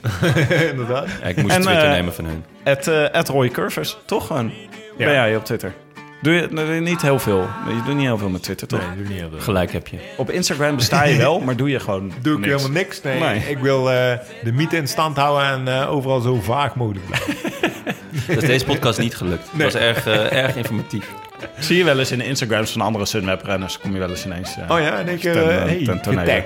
Ja. Eh, abonneer je vooral ook op iTunes of laat daar een reviewtje achter, zodat andere mensen de podcast ook kunnen vinden. Jonne, Ja. heb jij een leuk reviewtje? Ja, zeker. Eh, de, de titel is eh, Specials blijven doen, mannen, uitroepteken. Vijf sterren door C.J. de Bres. Die springt dus op de Bres voor ons. Heerlijk, een gesprek in de bekende losse stijl met inhoud, maar nu over de achtergrond van een spelletje. Mooie inkijk in het leven dat velen van ons via de moderne dwang...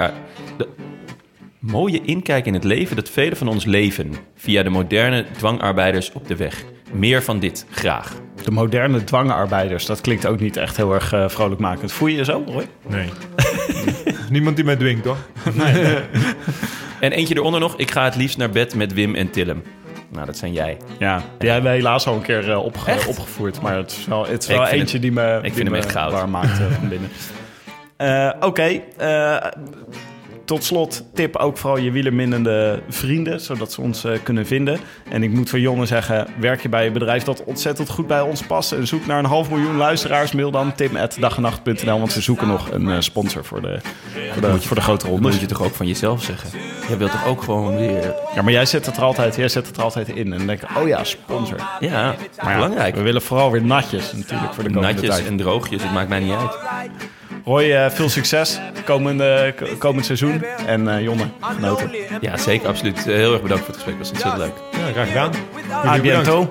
A biento. I wish I could be in the south of France. In the south of France, sitting right next to you.